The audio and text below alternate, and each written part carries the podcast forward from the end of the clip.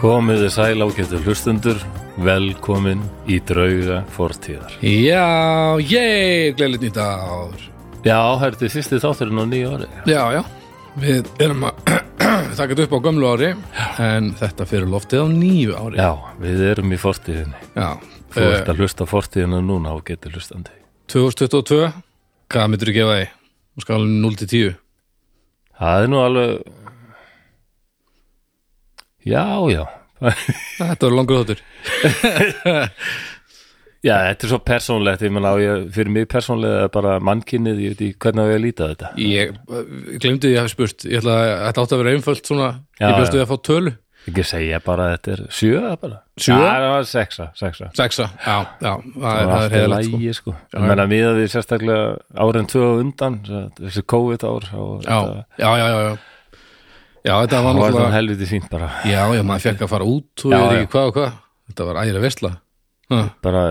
Ég fór út núna um jólin líka og síðustu jól. Já. Síðustu jól var það fóttis ískala sig gennum Bretland og hafa alveg bara ég var ég var að sína það ég verið bólusettur og hérna, grímur allstaðar grímur allstaðar og bara skrifa nafni sitt allstaðar og hérna, þetta er og þú heitir nú stuttu nafni satt, þannig að þú- Já. þú varst nú plús þar Já, þeir vil alltaf setna þetta já, já, já, já, Það var svona, já, já já, já, óvinn Já, já.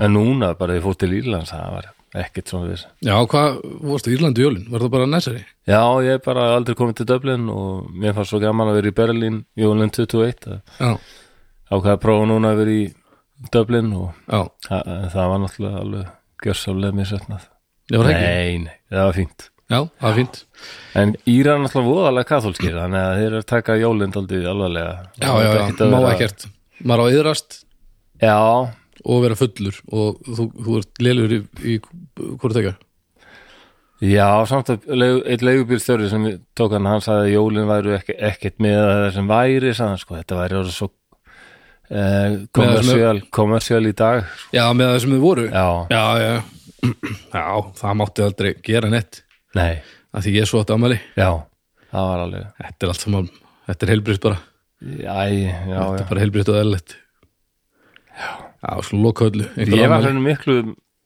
ég var alveg, daldið sjokkar að þetta kosta því að af hverju jólin eru á þessum tíma, sko, það er, já, það var alveg hátíð þarna löngu áður en Kristur var til. já, já, sko. já, en er þetta ekki bara þetta er ekki bara að egna sér sumarsólstöður sem kristni Veðrasálsöður. ha, neða, vetrasólstöður Já. segi ég. var þetta ekki bara til þess að taka yfir hátíðina og Jú, gera hana að, að Jú, þessu jú, negin? kri- kristnir, kristnir held ekkert jól alveg fyrstu fyrstu nokkur hundru árin sko. nei, ætlaðu ekki að gera það þetta var svo Nei. heiðið helviti en þegar að ha, fólk Svo hættir bara- ekki að gera þetta þá þarftu náttúrulega bara Já, að þá verður að vera með í partíinu og þá datt ekkur um þetta, þessi snildi í hug já, gott múf tökum þetta bara yfir, Já. bönnum þetta ekki nei en við segjum bara að þetta er svona ljósa hátíð, haldið upp á ljósið þeirra Við elskum sólinu Sko, ljós, að hækka á lofti við elskum ljós sko. Já, ha, Við kristnir elskum ljós Já en sko þá er, þá er Uppáhaldinu. Jésu þá er Jésu gerður að sko ljósi heimsinn sko. Já, akkur, þetta þetta er markasetning Já, já, Þarna alveg var frá. einhver í markasdeildinni Já, a- kri- að halda sér kristnin er bara æðisli markarsæting Þjóðkirkjan hérna heima í dag he- mætti hún alveg, hún hefði gott að ég að fá einn úr gamla markasteiminu Já, ég geti Það gekk trúað því, sko. betur enn í galanda En samt, Agnes Biskup, hún nær nú alltaf að skapa ykkur umræðu sko.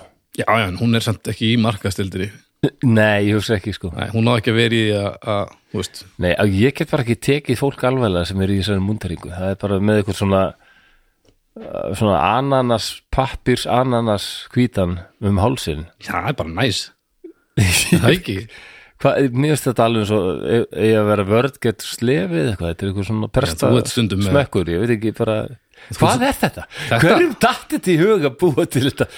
Að taka allir okkur alvarlega við setjum svona ananas, pappirs ananas hálsinn á okkur það var, alltaf, það var einu sinni kenninga sem sagt, að prestar væru svona eins og gamla jólaskriti manstu, sem að maður er bara svona maður fellur saman og svo dregur maður Jú, og svo jú, brú, jú. í ring og Já. setur svona, svona Já, já. brefaklemmu til að halda því saman Mann eftir því þannig að ef þú nærð brefaklemmunni sem er í kraganum hjá prestunum þá svona þá bara svona sm- renna þér saman í svona lítinn renning ég held samt að Já. þetta sé ekki rétt sko. ég sé Nei. Odd, Odd Áns kragans og, og hann var bara ekkert svo jólaskröta að ræði sko menn að katholikatum föttuðu það þeir voru með, hérna, með pávar sem var alveg bara lifði í svörtustu fortíð sko, talandi um að Harry Potter væri hættulegt og, já, já, og að- að hafi náttúrulega komið mím á, á færibandi sko, bara já, já.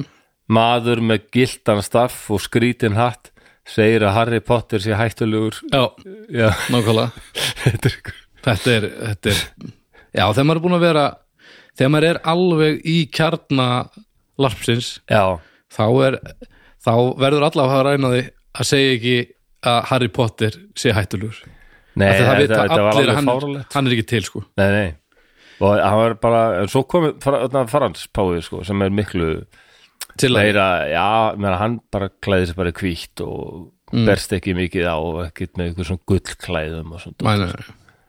mæ, mæ. hann, hann, aðeins betri, hann er aðeins betri viðskiptafræðin heldur en Benni gamli Já, já, já, já.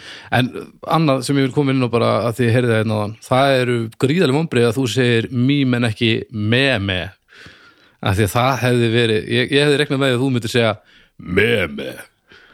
já, ég er samt lifi og hrærist þó að mikið í enskunni, sko, þannig að ég Já, já, ég veit veit. hvernig þetta er mím, Já, já, eins og, eins og, Meme, eins og, það er net, reyndar eins og mjög- Netflix.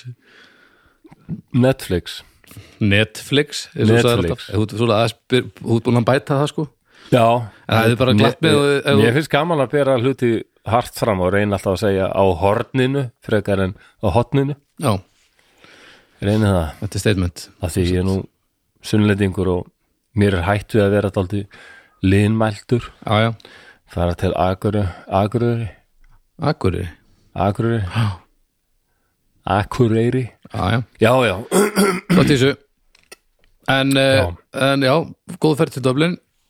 já, já, ljúmandi fín ég, maður, það þurfa að fara aftur til Írlands bara Já Við erum að fara, ég er að fara að spila þarna Já, það er fallegt á Írlandi sérstaklega þau vorum ég skellti mér í bíltúr hérna til vesturstrandarinnar og Já. sá þarna svona látrabjörg þeirra Íra Já, og Látrabjörg þá Já, Lítur að vera akkurát og látrabjörg Cliffs of Moher Moher Móher okay. og hérna að, jú, jú, þetta er, þessi björg er alveg svona 250 metrar sem náttúrulega Já, já tölvöld minna látrabjörg sjálft sem er Já, en, en, en þetta, náttúrulega langstærsta svona fuglabjörg sko. Evrópur en þetta er líka spurning um kannski sjónarhótt Ha?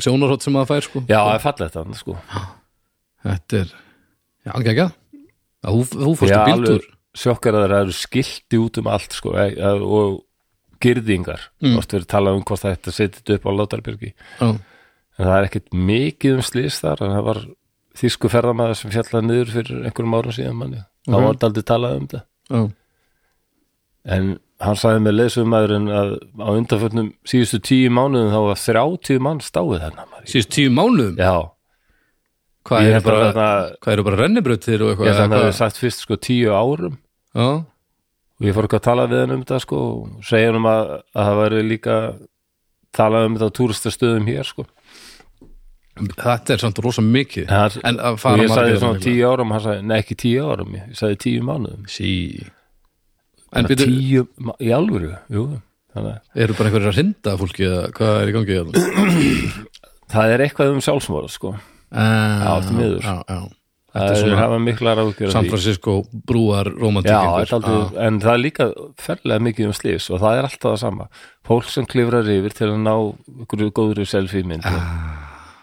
og þetta er, sem þið ná ekki nei, nema sér sillilega fljóta að upplóta já fatt ekki alveg sko og, hann myndist að það bara e- eitt aðeins sem hann var þarna þá það var nýfir, þá var löggan þarna þá hefði ykkur indversku ferðamæður emitt farað nýfir sko og ætlaði að ná góðri mynd og bara kemur sko vindkviða og hann bara missir fótana þetta er svo opbúslega þýrkámslöst já, á ekki að vera gamla svona maður nei líka bara momentið það sem maður bara svona ah, það lítur að vera helviti niðurumandi Úff. eins og hérna hva- hitt hún heimildamyndin um San Francisco brúna Bridge, já, hún er voðalega maður hann, gaurinn sem stökk og fattaði um leiðum að bara stökkva að- hann ætlaði að kála sér já, Að nei, hann- ég vil þetta ekki hann hefði gert mistök já, hann lifði af já, já, hann liði af en alltaf allir í henglum ekki bara líkamlega held ég En Það var sko- svona dálítið- en hinnir Ha- ha- ha- einu sem gerir það sem klúður það lítur að vera helviti mikið bara, aaa, ég er kannski bara það er átt að- voðalegt maður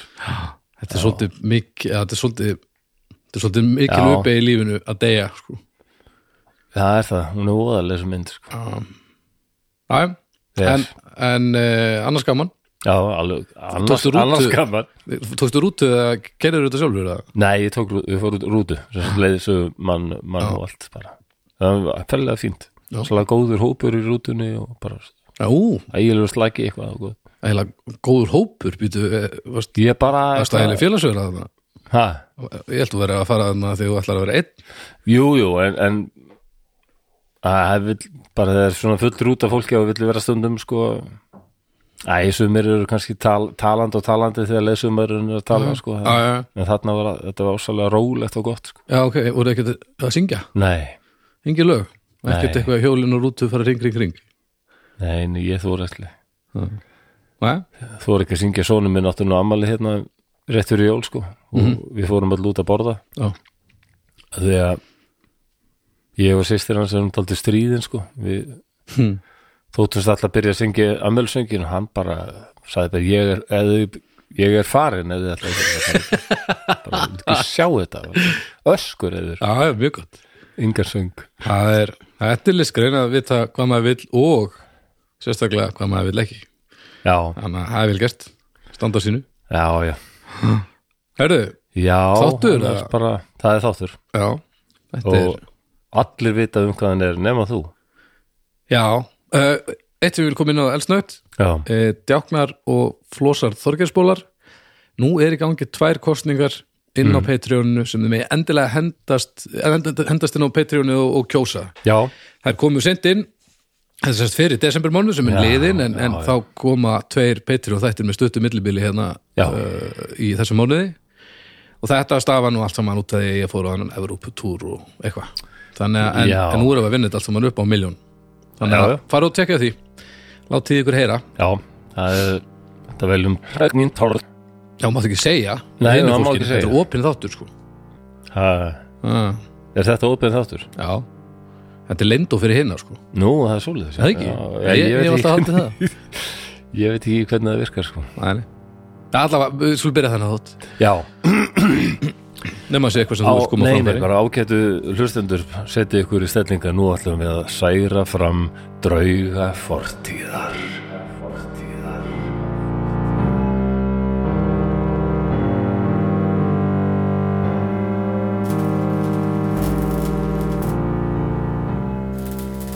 Þetta eru þakkirnar Hann hefur eitt allri sinni æfi í rannsóknir á afli sem mun eitt daginn skipta sköpum.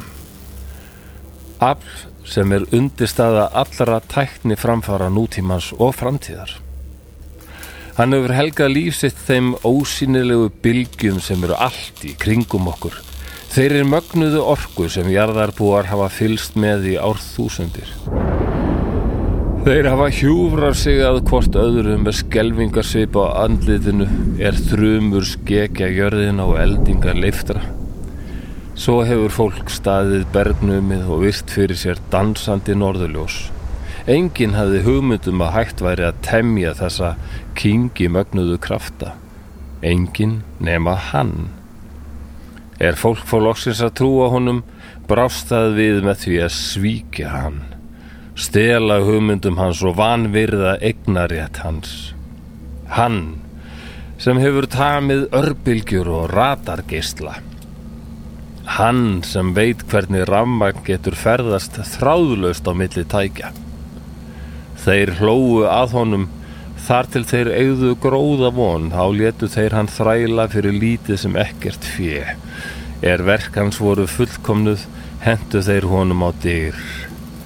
Mun hann deyja einn og yfirgefin? Mun mannkinnið aldrei átta sig á því hver það var sem færði okkur inn í hinn stórfenglega heim tækninar? Heimur sem er nú upplýstur fyrir tilstuðlan þeirrar orku sem hann náði einn að beisla.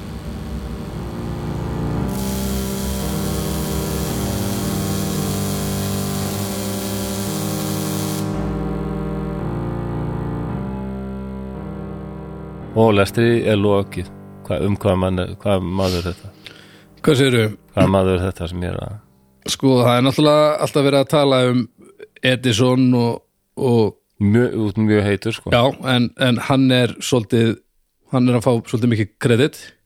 Edison, Já, en ertu að tala um sko, hversu langt eru að fara aftur? Þetta er ekki, ertu, eru við í Franklín eða alveg, en við erum einmitt á tímum Edison sko já, ok er þetta Tesla? Já, þetta er Nikola Tesla sem ég, Af því að hann hefur verið að fá svo mikið kredit í setjum tíð já, ég sko ég ég heyrði fyrst um Nikola Tesla um, þegar ég var unglingur eða eitthvað Já, ég man að var þungarsljónsið sem kallaði þessi Tesla til dæmis og svo svo man ég að setna meir held að var Jack White í White Stripes sem var alveg heitlaður á honum eitthvað og fræg mynd af Tesla þar sem hann situr þarna og það er bara einhver ramarsblossar allt í kringum hann já, já, um, en svo kemur internetið og þá allt í hennu springur þetta út og allt í hennu Tesla bara rosa frægur einhvern veginn og er þetta svona stutt síðan? já, mér finnst það já, ok Ég held einhvern veginn að það væri þetta er þá stærð fyrir maður að heyra svo f- ótrúlegar sögur sko að hann hafi nánast bara fundið allt upp Já, já, þannig að ég uh, ég var alltaf alltaf skeptískur á það eitthvað, hvort þetta sko það er hérna einhver maður sem fann allt upp en allir stó, stálu öllu frá honum og hann dó bara slippur og snauður Mm. en nú erum við búin að fatta hver er, er hinn sen- sanni snillingur og, og Já. Edison var bara illmenni og já, já, En ég fór aðeins að skoða þetta þá komst ég að því að það eru margir sem segja nei, þetta er ekki rétt ok og margir greinilega sko vísindamenn mm, Spennandi flósi það eru bara margir sem segja þetta Nikola Tesla er bara ein mesta En loddari, mýta nútíma sko. en að lod- loddari En ekki að húnum að kenna þá en ég sumir vel ganga svo, ganga, ganga svo langt sko Ok, en, en nei, aðalega sko ef að sumir verið að benda á að hvað er þessi þrá sko miskilningur á því hvað uppfinningamenn gera já, og hvernig til dæmis bara þessi mikrofóti mér talið núna sko, mhm er ekki einn maður sem allt í hennu bara, heyrðu það er ekki sniðut að búa til og bara bjóta til á einni viku eða eitthvað, nei Nei, hugmyndin verður kannski fyrst til sko, löngu já, já, áður, náttúrulega. það er kannski mörg hundru ára aftur í tíma sko. Já, já. bara, eh, menn komast að því að væri þetta magna röddinu upp sko, og svo bara, já, og búnaðurinn hvernig búnaður nemur hljóðbylgjur og færir já bæði sko á, á analog formi og stafrænu formi Úst, þetta er ægileg Já, og ég hefna það var eitt sem sagði að hefna, sko, að allir uppfinningamenn byggja á verkum annara.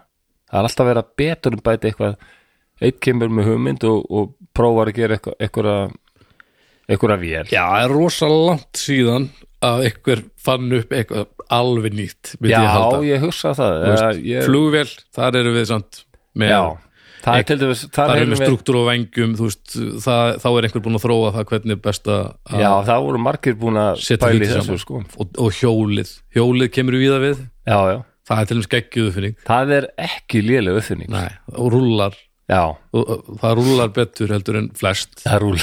þannig að það hefur komið sér djúið vel já, já. við hefum orðið á seinir til þeim syngað ef að við verðum ekki með, með hjól já undir bílnum var það ekki fjögur, hérna var það ekki hérna f- f- Gary Larsson sem var með eitthvað grín það var eitthvað steinaldamaður sem var með ferköntuð hjól jú, og hérna var að reyna að prófa sig áfram já, ef maður verður að Já. þetta er bara trial and error já, þetta er mikið byggt á trail error og hérna við ge- vorum nú með þáttum hana Marie Curie sko já, já, og þau voru mikið að rannsaka og rannsaka við vissu ekki alveg að það sem þau voru að rannsaka var stór hættulegt já við það komum var nú aðeins inn á það í þessum þætti líka geislavirknin Vísindum maður. hafa, er uppfinningum en hafa bóstalega lagt sig oft í lífsættu og bara fórna lífinu fyrir, já, bæði viljandi og óviljandi já En þetta lesturinn hérna er dálítið svona eins og ég, mér var sagt fyrst að Nikola Tesla væri sko. bara Svona, öllu, já. hann hefði fundið allt upp eh, öllu var enda á honum Mhm. svo þegar maður fer að skoða þetta eins betur þá mérna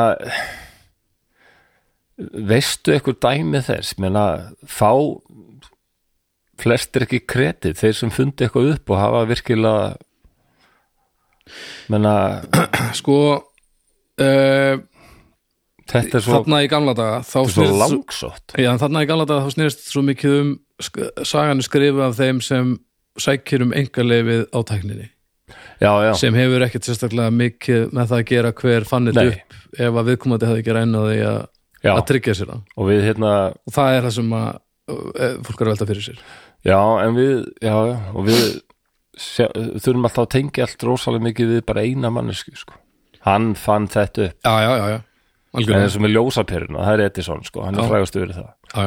en það voru margir aðrir búin að vera að þróa þetta en Edison er sá fyrsti sem býr til ljósaperu sem er já bara nánast eins og ljósaperu sem er notaðir í dag sem Já. er bara mjög praktísk Akkurat, endist lengi já og bara áreðanleg mm Já, já, Það ég er meina málið, sko. það, ég vett ekki hver var í öðru eða þriðasett í ljósapyru hlaupinu, sko en Nikola Tesla, nei maður veit það ekki alltaf sko en svona, en eh, Tesla verið líka hafa verið svona eins og þetta Tesla coil og svona fólk Já. notar hann meira, hann hef, í dag er hún líst svona eins og meiri svona, svona bransakalli, svona sjómenn bara, já, þetta er allt svo grafíst og já, hann hefur verið meiri svona brjálaður vísindamaður aðeins heldur en, heldur en það vist Edison, alveg nokkuð verð til í því sko. Edison virðist vera meira svona efri Uh! stittar já, já, þeir voru nú líkari heldur en margir halda sko Nú, já, já. hérna sumið teljan Tesla hefur líklega verið sko einhverju róun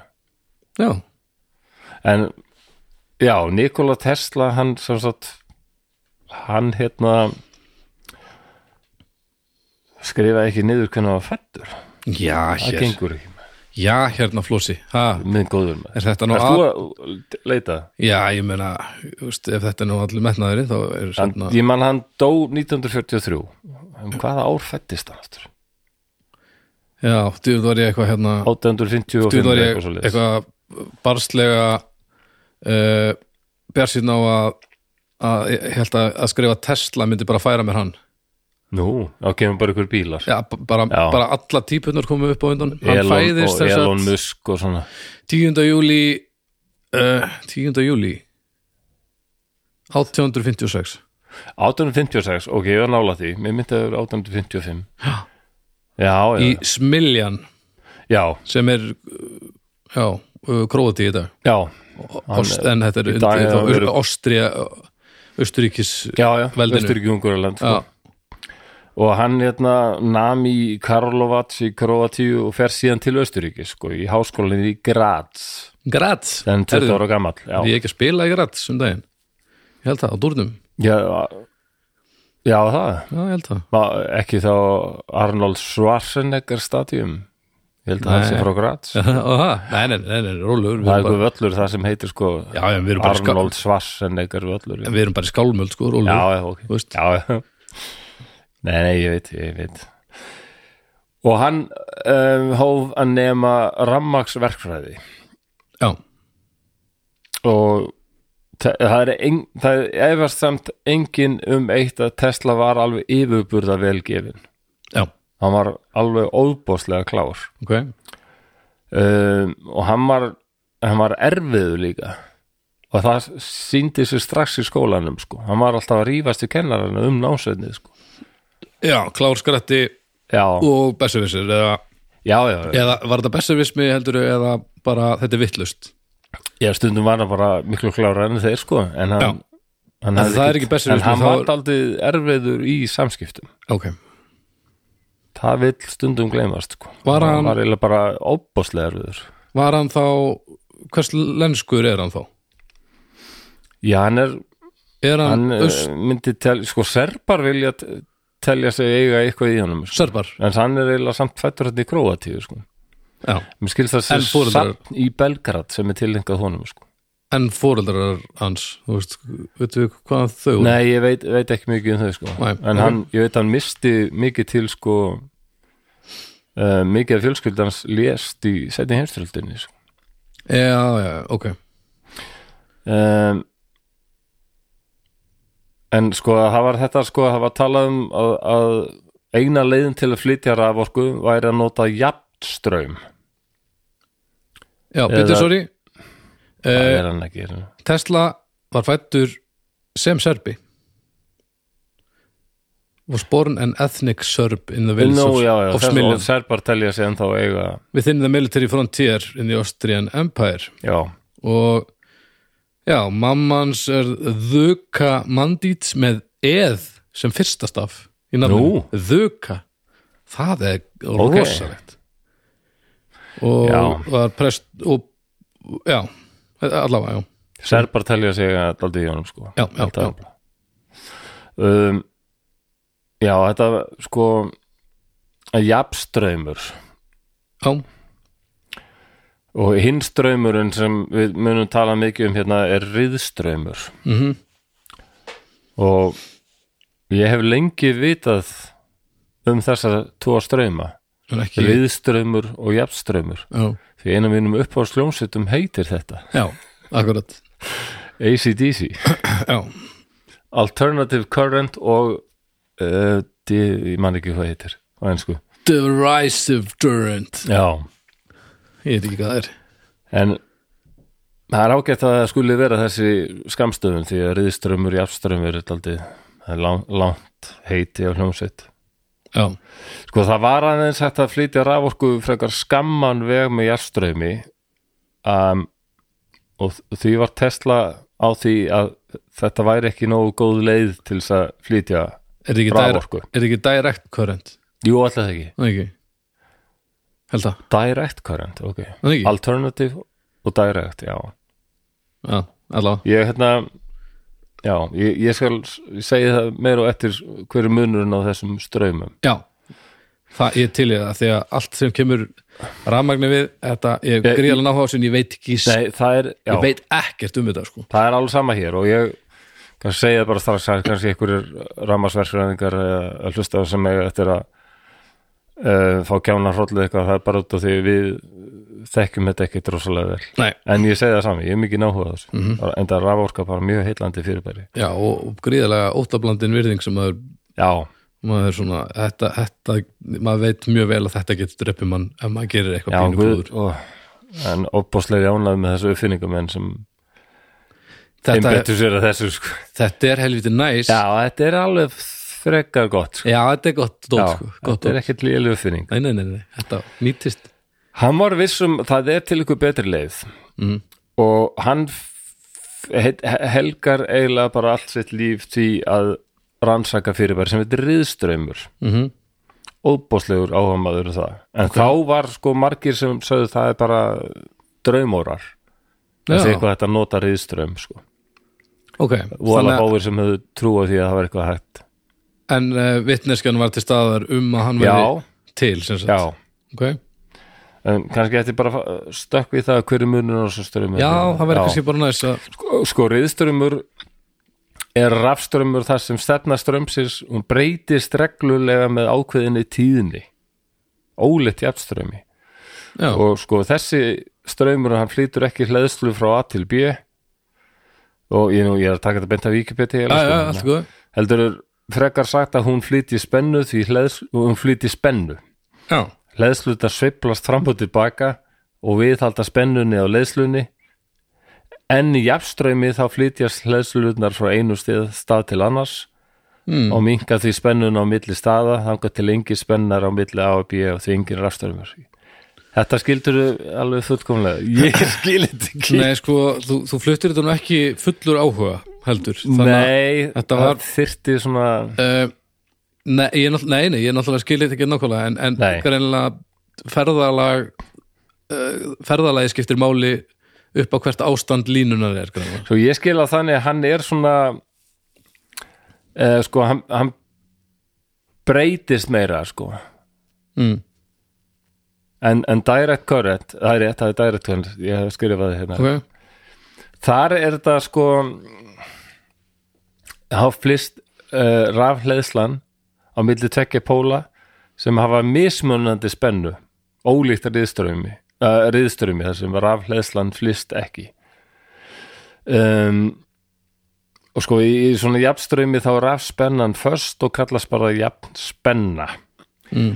og málið er bara það að örgjörvar og tölfur og svona tæki eða allar, allir þessi tæki hérna í kringum okkur núna og síminn okkar svona þetta notar allt í jafnströym já, hann er yfirleitt notar svona stittri vegalengdum ok, USB snúrur hlaða síma Já, það er allt í afströum rafluður og örgjörvar þurfa alltaf rafströum, nei Mm. í afströum en á lengri vegalendum þá er yfirleitt tala um, þá er reyðströmmur notaður eins og kannski e, í stóru orkukerfi frá ykkur vassvirkjun inn í Já, já. heimilin, það er reyðströmmur já, já, ok en, e- og einhverjum svona löngum köplum innan hús og yfir í, já, inn, inn á heimili er, Já. er þá hvori tvekja notað já hann, hann sko hann hérna fe, til dæmis yfir í sumar aftækjum svo riks og hann notar víst sko reyðströmm já, bara af því að hún þarf svo mikið djús eða ég held það já nú er einhverjir fræðimenn hann úti já, já, já, já.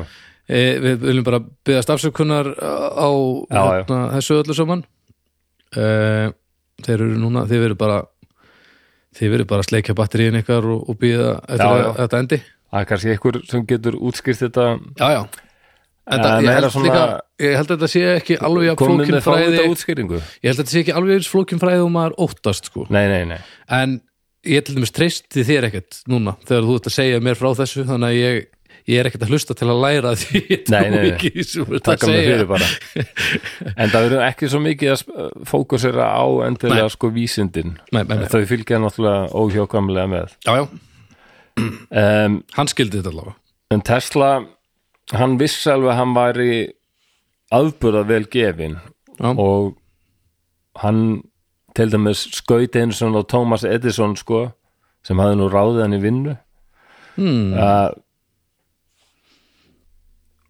og Skaut hann, hann á hann hann sagði sko að- hann, hann sagði um hann sko ef hann þyrst að finna náli í hei, heistakki, heitir það ekki Jú.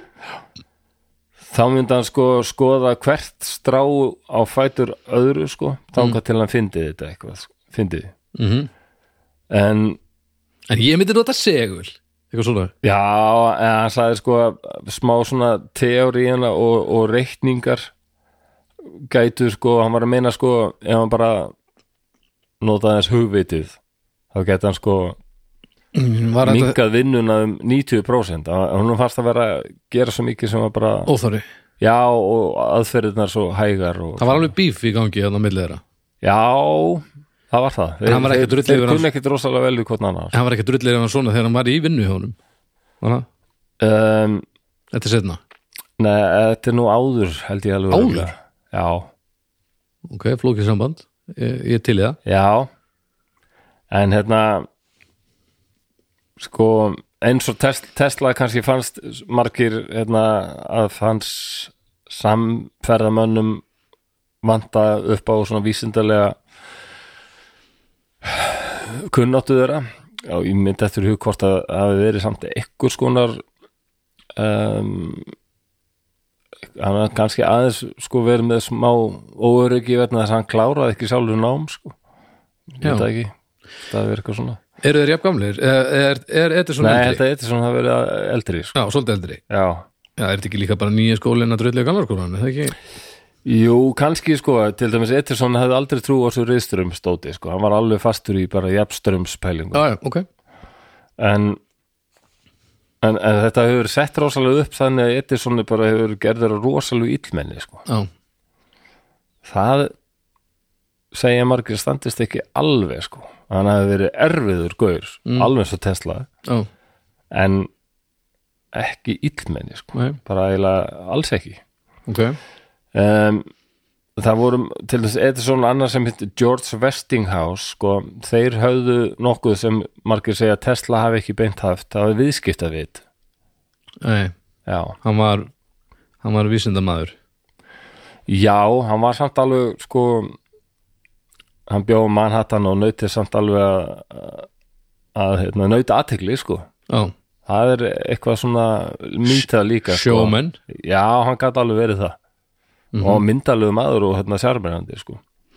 Það er ekki nema nýju ára aldursmunur á þeim sko. Nei, mitt Hann er eldri, þetta er svona ekki, mér minni það Jú. Já um, Þetta er 847 og Það varð hérna Já, til dæmis hérna honum tókst að samfara hann, hann, hann sko já, ægilega draumarum með þar með rosa hugmyndir og sagði ég er alveg, alveg að vera búin að fullkomna það að hérna að búa til einhverja tækni þannig að það verður miklu auðvöldar að, að sko hérna að, að senda skeiti á milli landa og svona sko hún tósta hérna já, tósta að fá fyrirtæk sem hétt JP Morgan sem er nú ennþá til held ég Mhm. að hann væri alveg að fara sko klára eitthvað hérna já, eitthvað svona vél sem myndi sko görbilt af öllu hvað var það í svona samskipti og hérna mhm, og hann fekk þá sem var alveg sko 150.000 dólar sem var- þetta eru margar miljónur í dag sko já, já, og, og til þess að byggja óbáslega stórt og mjög svona, eh, fram, svona fjú, fútúrisma turn sem átt að vera sko í mið, á miðju, miðri Long Island í New York mhm, og þetta klú, klúraðist allt og kom alveg í ljós að hann, hann var ekki tilbúið með neitt og svona já, já. að- hann var- það er svona klúður á hannum En Hvað var hann að, hvað, hvað var hann að fara að gera hann þá? Já, það er góð spurning Nei, veist, hvað, en, að, að bara risaturð sem átt að vera svona fjarskiptaturð sem að er samt eitthvað sem gerist síðar já, já, og hann Þannig að- bara þannig að hann var með einhverja pælingu en hann var bara ekki komin ólátt nei, ok, og og það var svo oft þannig sko, hann var alltaf duglegur að, að sko básún eitthvað og ég er alveg að fara að klára þetta og svo kom í ljós að var ekkert þetta var, ekki klart nei já, ok, sko, sem ég segja sko að sko John Neal heiti maður sem skrifaði bókum hann 1944 Mhm. og sem ég segja þar byrjar aldrei svona þessa, þessi mýta, þessi John lofsöng- Neal greinlega lofsöngur dýrkaði hann sko einu áru eftir hann er dáin semst ok, og það er enga tilvísanir eða heimildaskráði í þessari bók og það er sko alls konar sögur um Tesla sem við vitum ekkert hvort eru sannar eða ekki það er til dæmis Mm. stendur að hann haf- hann, hann hafi verið svo klár, hann þurfti aldrei að skrifa neitt niður hann bara las bók og þá mundan hana ah, óli- já, ok og, og hann hafi dáið alveg auralaus sko og hvort vekki er vist ekki rétt hvað, mundi hann ekki allt sem hann las og var hann ekki og alveg það, blónt það var upp í fótur og fyrir þegar fundust allt í hennu sko bækur svona minnisbækurnar að Tesla var hann að skrifa fullt niður sko og safnið þetta í Belgrad var alveg sko uh, það, það var bara stríð inn á safninu milli þeirra sem sagði já við verðum að breyta þessu það- við vorum búin að skrifa hérna stendur upp á vegg að hann þurfti aldrei að skrifa neitt niður Já. og nú verðum við að breyta því og nei nei við breytum því ekki neitt þetta er bara höldum fast í þessa mýtu já ha, það var bara margra ára stríð og- af hverju núna vitið hvað þetta var vittlust ég veit það þá læði veggin Já, e- e- þessi þáttur ekki síst eh, til þess að pæla í sko þessum mýtum okkur hefjum við einhvern svona upp á okkur svo rosa stalla, er það, er einhver, einhver er okkur einhver greiði gerður er manninum einhver greiði gerður með því og aðalega, þetta sýnir líka svo mikið miskilning á því hvernig sko uppfinningasemin virkar nei og aðalega sko e- e- ef þú nennir ekki að laga veggin þá áttu ekki að vera eitthvað safn Nei, það er líka- held ég aðalega, það, það er nummer eitt hjá mér Þessum núna. við vil bara halda svo fast í mýtuna sko.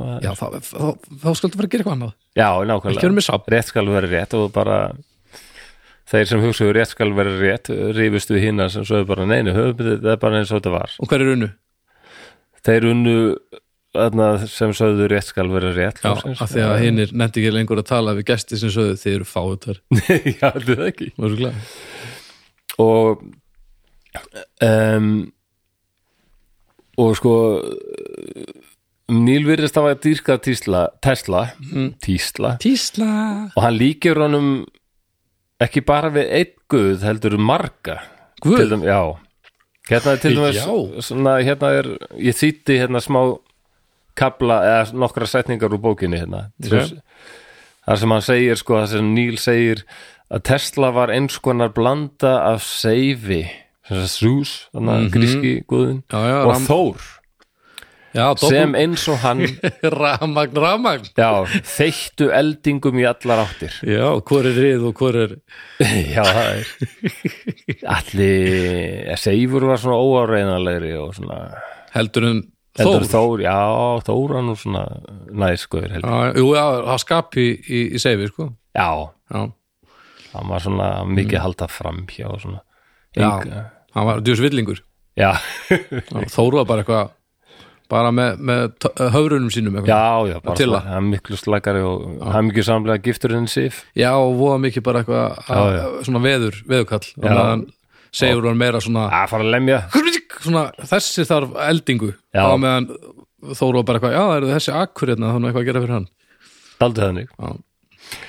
um, og hann sagði líka að hann, hann Tesla var eins og gyðjan áróra ok, rólegur sem lístu upp himinin með rafmögnuðum ljósum sínum. Hann var Herkules sem léti jörðina skjálfa. Hann var eins og Hermes sem er líka grískur guð. hlaup, vangja, hlauparinn Já, sem er hjálminn hann með vangjunum. ægilegur, ægilega röskur Eins og Hermes sem heitir held í Merkur á Rómverið kallar hann Merkur í. Hermes er líka, er elgamall grískur kynnsjúkdómur Eins og Hermes sem kveikti lífi hinni rafmögnuðu sáljarðar sáljarðar, svo orkan púlsaði millir pólana þetta er bara þetta er þvílík dýrkun sko. ég vil, hefur hann langaði í hann En sko, já, þessi þrá eftir henni fullkomni hetju, hún er ekki til og það eru margir engir fleiri guðir Ha? engir fleiri Nei, guðir, jú, það er reyndar sko, hann, það voru fleiri. nú meira að hverjir, segja. mástu það? Ja, hann minnist eitthvað á Ajax og hérna Prometheus. En ég held að þeir hafi ekki verið beint guðir, þeir eru svona hálfguðir. já, en Alla hann var það Hercules- rosalega hann var lýsingar. Hercules líka náttúrulega Já, já, Herkules reyndar, já. Mm. já, já, þetta er, ok, Um, ekkert vera að gott að það fara hafa alla leið. verið hæfileikareikir og mikilvægi menn sem hafa skipt sköpum, hafa líka verið umdeildir og hræðilegi menn. Menna, Henry Ford var ægilegu frumkvöld, sko. já, algjör tussi, hann gýðingahattari sem var samfærður um að gýðingar allu sér heims yfir það Á Disney Charles Lindbergh sá fyrsti sem flög yfir allanshafið á, Gla- frábært afrek en hann var líka tussi, já, hann var svona hallur undir assistana og og trúði rosalega á þess að kynbóta á, það er rosaleg kenning um að að síni hans var rænt sko og krafst lausnargjalds á en svo heyrðist ekki frá mannræningjunum og, og hérna, svo fannst barnið bara dáið sko. á, og það er rosalega kenning um það að, að, að Lindberg sjálfur hafi bara, láta reyna því já, vilja að losna við barnið sko, af því að það var eitthvað að því já, þetta er uh, The Lindbergh Baby já, þetta er ægilegt, það ægilegt hafi mál verið ykkur föllun sko, sem, og hann var svo ofsalega trúr á þessa kyn, mannbótastefnu sko. það er svo stutt síðan, ég veit þetta það, er svo galið opóslega það var ekki bara narsistarnir, þetta alveg var út um allt og Tesla því miður var mjög hrifin að þessu líka já, já, já, já. en það er auðvelt að líta 90 ár tilbaka 100 og segja bara ok, einhver hugsaði eins og menn gerðu fyrir 100 árum það passar ekki við daginn í dag Íllmenni, Já, en það er samt líka þannig að það var fólk sem sá að þetta var galið þarna líka. Þannig að já, það er ekkert nóg að þessi langt síðan eitthvað var til þess að fólk sé automatist ekki illmenni skilur. nei nei, ég skal vera sammála því að Og að vera að skoða einhverjar hugmyndir versus að akta þær er Já. líka tvent og líkt sko. það er alveg takmar svona hvað tíminn getur hvítsvegi menn mikið, ég er Já, sammála því ég meina þræla haldarar, það var líka fólk sem var á móti þræla haldi á sama já. tíma þannig að já, já. þú þú veist kannski að tala um að hann sé ekki jafn mikið illmennum við sjáum hann eins og hann er í dag hann er samt tussi sko að að var samt fólk sem sáðu þetta á sama tíma og þessi ákvaða að gera það ekki Já, endar, já, þannig að þú veist, það er svo erfitt samt, ég er alltaf mjög hrættu að dæma fortíðina, ég veit ekki hvernig ég hefði verið á þessum tíma, kannski hefði ég bara maður hefði hugsað allt öðru í sig einhvern veginn sko. Þetta þú er ekki um þetta Nei, maður þú er hefði ekki ekki ákveð hugmynd og um verður verri maður kannski verður bara ennþá betri af því að þú verður með svipað skoðanir og það verður meira hálfvitum í kringu þig kannski, og svo líka er ekkert mál að dæma fortíðina því að hann enginn að fara að svara þér já, líka það Þetta, já, já ég maður þegar við vorum hérna að klára sakfræðina nokkrir og hérna hvort það var ekki Guðni TH sem var eitthvað að tala við okkur name drop, Já, já, hann kendi mér kendi já, okkur já, ég aðeins bara hlutina. name, name drop, ég er ánað með þetta svona og casual hérna hérna hann hann var eitthvað að spyrja já, á, hvað ætlið þið að fókusera á, hérna, já, fari masterinn fari masterinn já, já, það er flott maður það er því en svo var einn þetta strákur sem sagði hérna, já, ætla að ég fari miðaldafræði ég bara, já, já, play it safe já, já, já, já, akkurat það meina það, ég veit að hvað dó- fólk sem, þú getur skriðað eins mikið og vilt um hvað fólk fyrir 500 árum það er já, já. ég ætla að En vera hann, hann var alltaf að tala um Guðni að það, þetta væri mest þeir var að sína mesta hugreiki sem var að taka fyrir sko Samtímann. samtíma sagfræði já, já, framtíðina eða framtíða sagfræði já, já. já. ég ætla að vera júra tímabils sakfræðingur, en sko þessir founding fathers of America já, já, leiðtúar líðræðis og, og sér frelsis elskandi menn sko já, já allt þræla haldarar Já, já, já já, það, já, já. það, já, já, allir menn eru fættir frjálsins, nei nema alltaf eru þrælar já, en svartir voru nú kannski ekki alveg svona alvöru menni við þeirra hugum sko akkurat og einmitt þú svo segir, er óhugnarlega stuð síðan já, og hann þetta Mahatma Gandhi sem allir nú sammáluðum voru, hann svaf hjá táningstúlkum sko til þess að efla sína sjálfstjórn og, og fristingar já sem sagt s- svaf í rúmi með Já. þeim uh, sem sagt og sagðist ekki sofa hjá þeim já, hann sagði það allavega, já já, en það var náttúrulega ekki hana en, en uh, já já, já, fullt að skrí, skríti Já, Já, það er samt alveg stórkostlöndalegt og Já, já. óþarfi myndi, myndi Óþarfi. maður segja þú veist, farðu bara að sofa, fýblið þitt sko. Já, já, ég meina ef, sko, og með að við marga þessum gúrum að á Indlandi það sem þeir gera sko, bara já, við móðu sofa Teresa þarna og- bara á okkur nöglum og bara, já, já, þannig að þurfum ekki unglingast- unglingstúlkur endilega til þess að nei, ég halda fekk aftur af sér að standast fristingar Nei, ég fekk, ég, sko, ég fekk svona vass memory foam kotta í jólagjöf Já, ég sé mjög vel sko já, já, svo var sko það, það, það virkar líka Já, það virkar líka þú veist, ég, þú þarft ekki að fara í Nei. bíkó til þess að- að að upplifa, fin- finna nirvana sko, slakkaði bara á Ah, Já, sem ég var reynda Það til í segirðu. sæng sem er aðeins lengri Þetta ennþá að sofa hjá þessum 13 ára stelpum þarna? Já, ég get bara ekki fest svefn annars Ertu ekki búin að prófa vaskotan? frá, Frá, já, til að en mér Já. vantar sæng sem er aðeins lengri það ternar á mér, það eru alltaf að stingast undan sænginni en, já, já, já. En það, það er óskilt, fyrirgeðu, annamál allt í lagi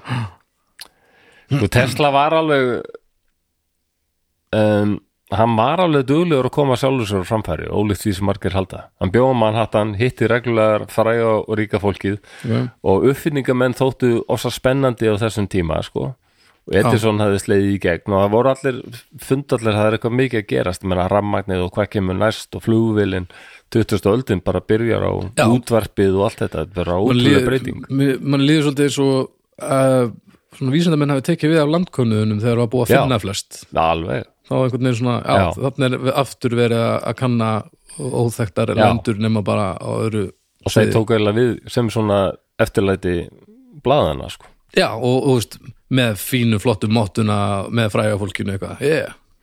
hún hérna vera okkar illuga sem Já. við náttúrulega höldum báðir mikið upp á -hmm. og bara öll þjóðin hún var ægilega erfiða þætti nýlega hérna, um grænlendingin, hérna, grænlenskur munnaðaleysing í New York Já. minni með þeirra við heiti já, mann mí, míník opaslega ömuleg já, ég er mitt með þetta þetta er næst í kjúinu hjá mér já, mér veist helst sko að vera á það til að taka fyrir svo ósalega eitthvað sem er svo sorglegt Ég og veit þungt það. og voðalegt það er svo geggjað þessu nýjasti þátturinn ég sagði bara eitthvað kjarnorku tilrunir á Marsjalegjum Já. ég bara nei, ég er búin að horfa á heimildamyndum þetta og sjá viðtölu fólk sem nei takk, ég bara þetta er bara hellað já, já, þetta er En alveg- ég, ég, ég elska þetta sko og Já. magnaður leiðungurum sem, sem fokkuðust upp og svona uh, já, leiða, ég dýrka það þegar hún segir frá leiðangrum já, þetta er bara besta sem ég veit sko já. yes, í ljósi sögunar, það er best og þetta tengist aldrei leiðangrum hérna grænlenska sko já, hún er mikið að tala um Robert Peary já, sem þóttist að hafa fundið Norðupólin svo, Hann tussi- svo setna tussi þá líka. fann hann upp sós og kallaði hann Robert Piri Piri sósu, já, Ah, var það ekki Það er hún að allavega að þykjast hlæja í alvörinni Peary Peary Hanskotin Já, já, haldum við það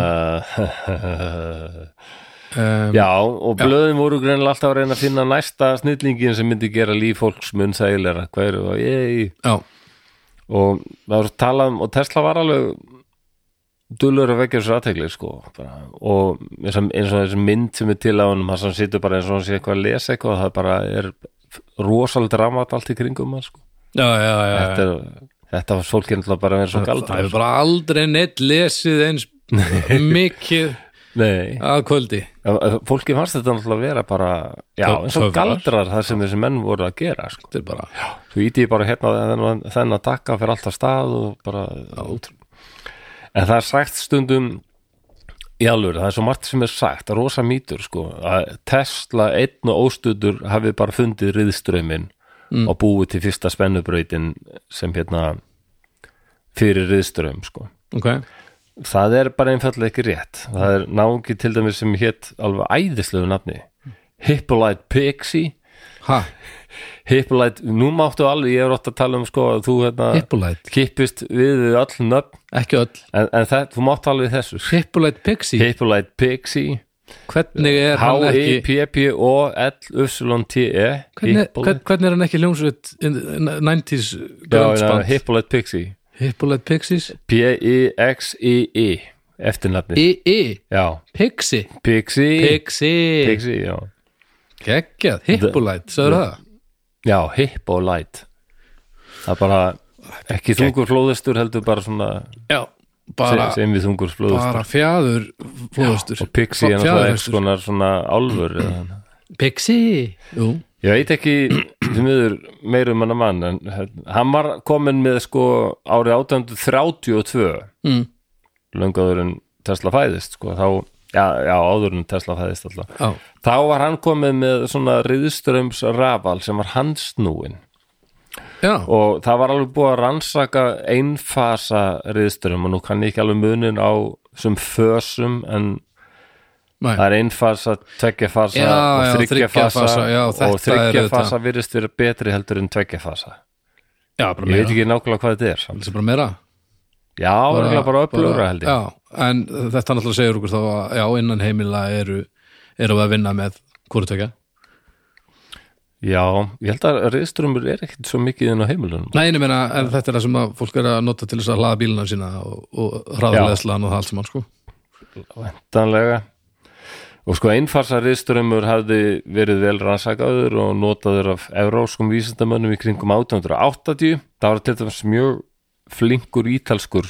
Ítalur var hansi góðir í svona Ok, ramastóti og átt marga góða uppfinningum en eitt sem hitt Galileo Ferraris jú, jú, hann var farin að rannsaka fjölfasa ASER, a- svona ASER reyðsturums rafal um átta- átta- 1885 ok og árið setna 86 á reyndi Tesla að fá styrki fyrir rannsóti sínar á reyðströmskerfi en tókst ekki bara mm. fekka og honum til varnar þá mál segja hann hafi ekki alveg átt það skilið að því að það var bara ekkert svo mikill áhuga á reyðströmi, það voru margir sem, eins og Edison sem hugsaði það er, Þetta það er er ekki ekki, þetta beislaði þetta er bara draumárar já, en það voru margir fleiri en Tesla sem máttu díla við sko eiga við þetta mótlæti já, fá ekki Já, fleiri sem voru bara að segja að við þurfum að rannsaka ræð, ræð, riðström. Af hverju viljið þið ekki gera það? Þannig að Tesla var ekki einn í þessu. Nei, nei,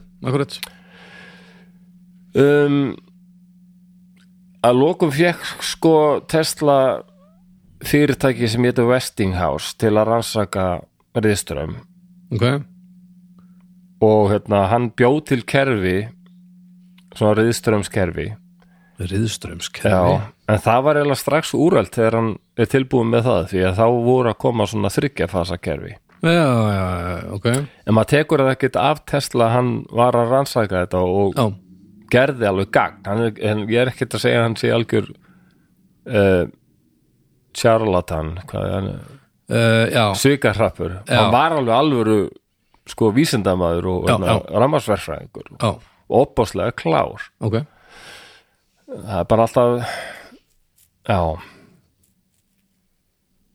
alltaf þess að halda allar að ég hati hljónstina klass alls ekki, mér finnst það ágætt band mm. mér finnst það bara ofmetnir Já, já, og sama gildir ég alveg Tesla mér finnst þetta, of- mér finnst, ég, hann, er- ég held að hann sé ofmetin það er svo erfitt að að benda á það án þess að gera lítið úr því hversu kláran hefur verið að því fólk heyri bara að þú ert að draga úr því sem að fólk segir um hann já, en ein, þetta er eins og með hljómsveitir sko, að bara sumar hljómsveitir verð eitthvað svona fara á okkur svona ósnertanlegan stall, þú mátt ekki segja neitt neikvætt um Led Zeppelin, Nei, þetta nei, er nákvæmlega. bara hálfviti Já, já, og Já, já.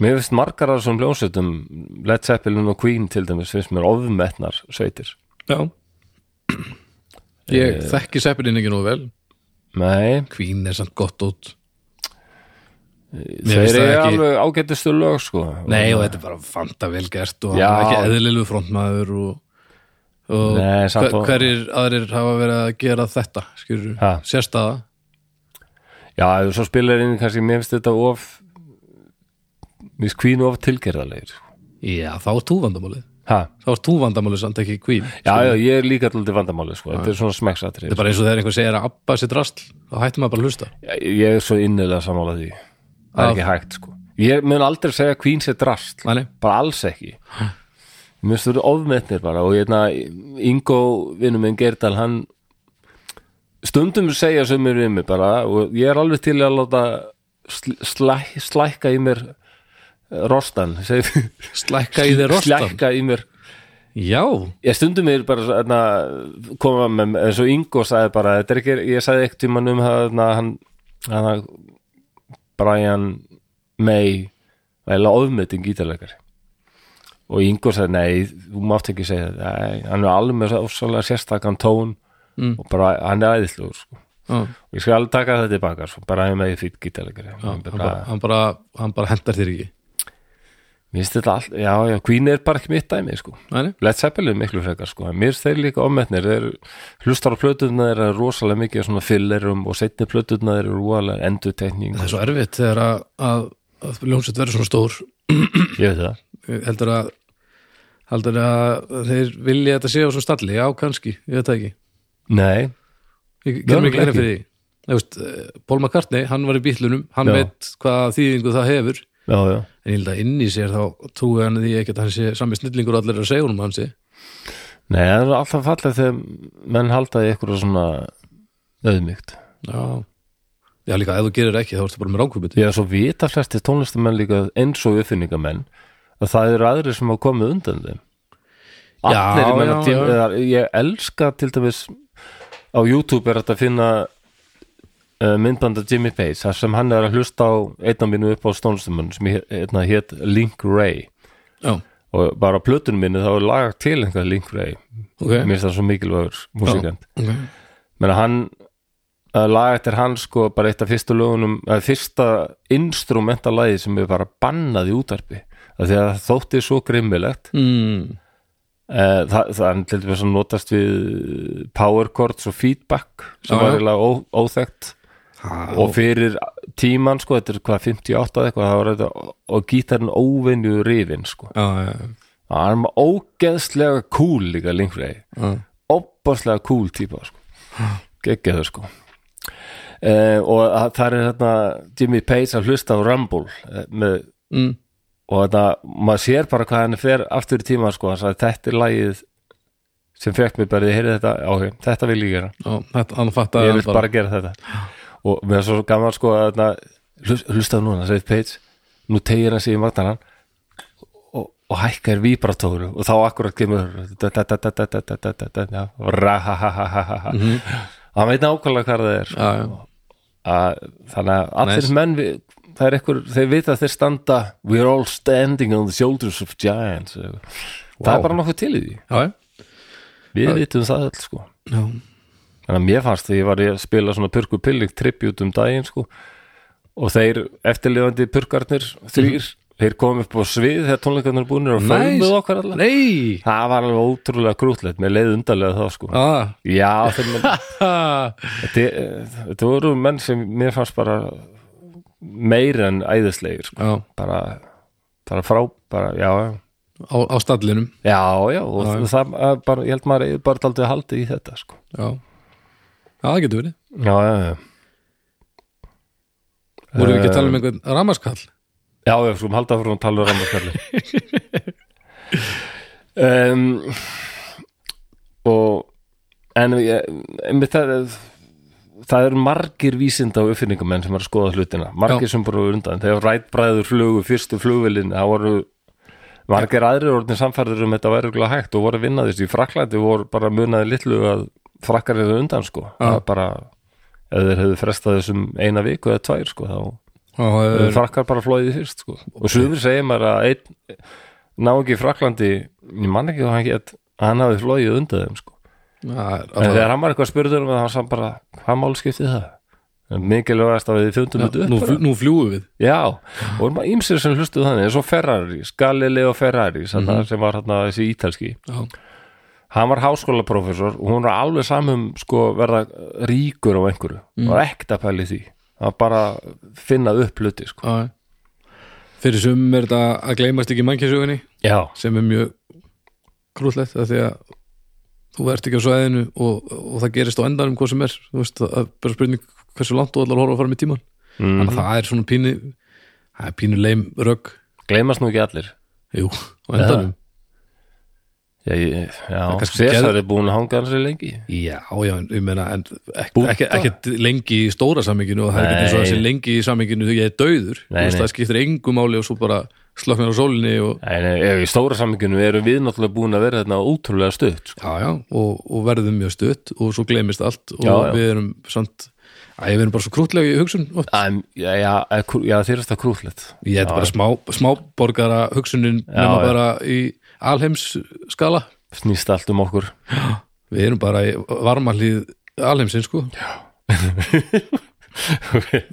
þetta, já, sko, svo er samt sagt einvítað er það að Tesla hann fann upp spennubreitin spennubreitin, nei, til miður það er rámt Nú. uh, Gans, Gans fyrirtækið í Budapest var fyrst til að framleiða og nota spennubreita um, uh, í kringum 1880 og okay. hinn eiginlega spennubreiti sem er svona fyrsti svona nútímalegi spennubreitirinn er fundin upp 1885 og það er nákið sem heitir William Stanley William Stanley Já, og Tesla, hann sagði að hann hefði verið alveg tilbúið með fullkomið svona spennubreiti og, og, og riðströmskerfi árið 1882 en hann sagði það, en það er engar sannandi fyrir því. nei, nei. nei, Og eh, ég hugsa oft, oft hugsaði þetta líka, ef Tesla var svona rosalega klár og fann þetta allt upp, okkur, þá myndu við vita það.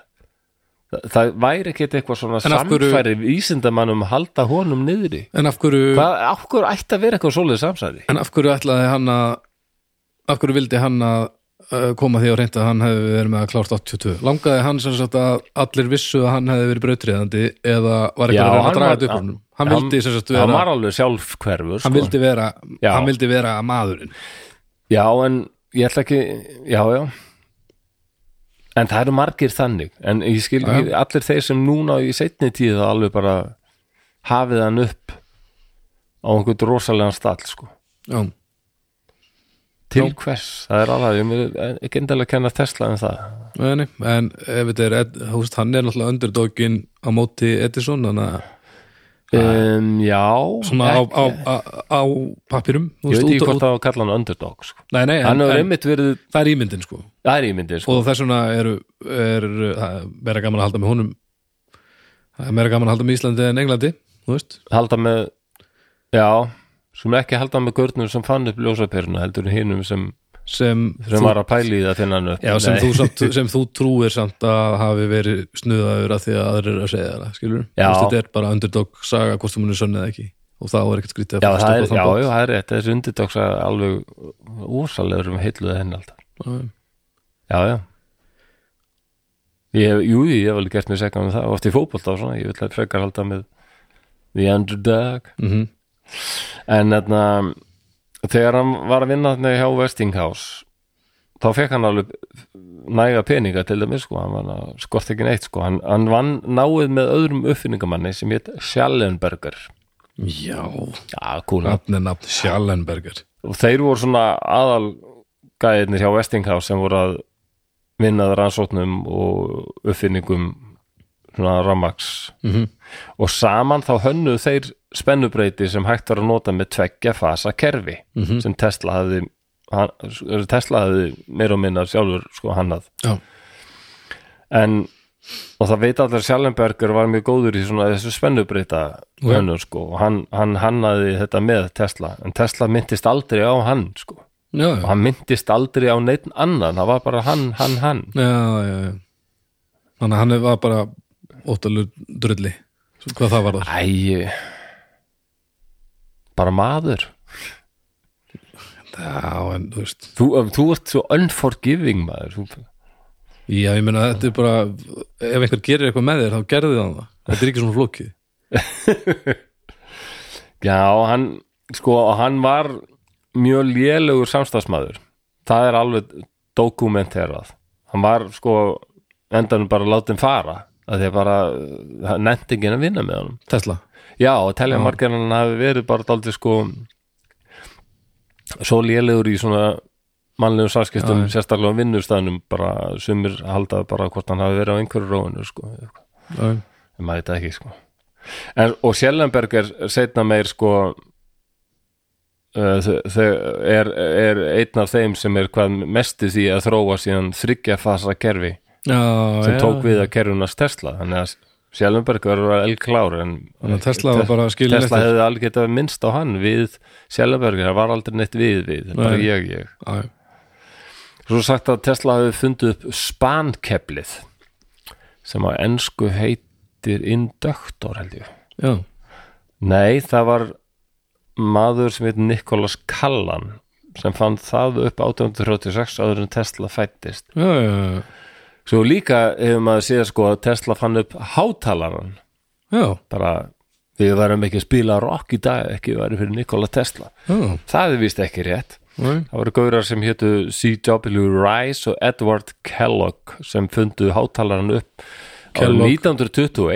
1921 Ekki Kellogg Kellogg ég veit ekki hvort hann var skildur þeim Kellogg Nei, að þið sá En- en Kellogg og þetta er það nú- fáviti já sem var með svona já það var að gera eitthvað bíómynd um hann það var með eitthvað svona svona heilsuhús eitthvað svona. Það er bara, við þurfum að taka hann fyrir já þetta. hann þeir til að fá já hann og hann- rosalega undalegu maður Já, já, ferlegt ferlegt enda það er nú ekki- þetta er kannski ekki algengt nafn Kellogg, kannski þeir aður skildir en 1921 það fundur og þeir fengu enga leiði sko á honum síðan 1925 eh, bara the loudspeaker Ok. hátalar líka hefur verið sagt sko að það var fyrst og orðin Tesla sem fann upp radarinn árið 1917 sko mm. það er allramt það er eru margir búin að rannsaka radar og það er eiginlega vonlust að netta bara eitt nafn í því sambandi sko Já, já, já, En fyrsta hátíðinni radarkerfið var kynnt sko 35 og það var náungi sem hitt Robert Watson Watt, Watt sem var Já. mjög frægur uppfinningamæður ok Watt Og hann er hverslenskur Mér minnir að hann hafi nú verið skoti Já, já, Where was Robert Watson Watt born? Brecon, Scotland. According to Lemelson MIT, Massachusetts Institute of Technology, Já. Robert Watson Watt was born April Ok. 13, Já. 1892 in Brecon, Takk. Scotland.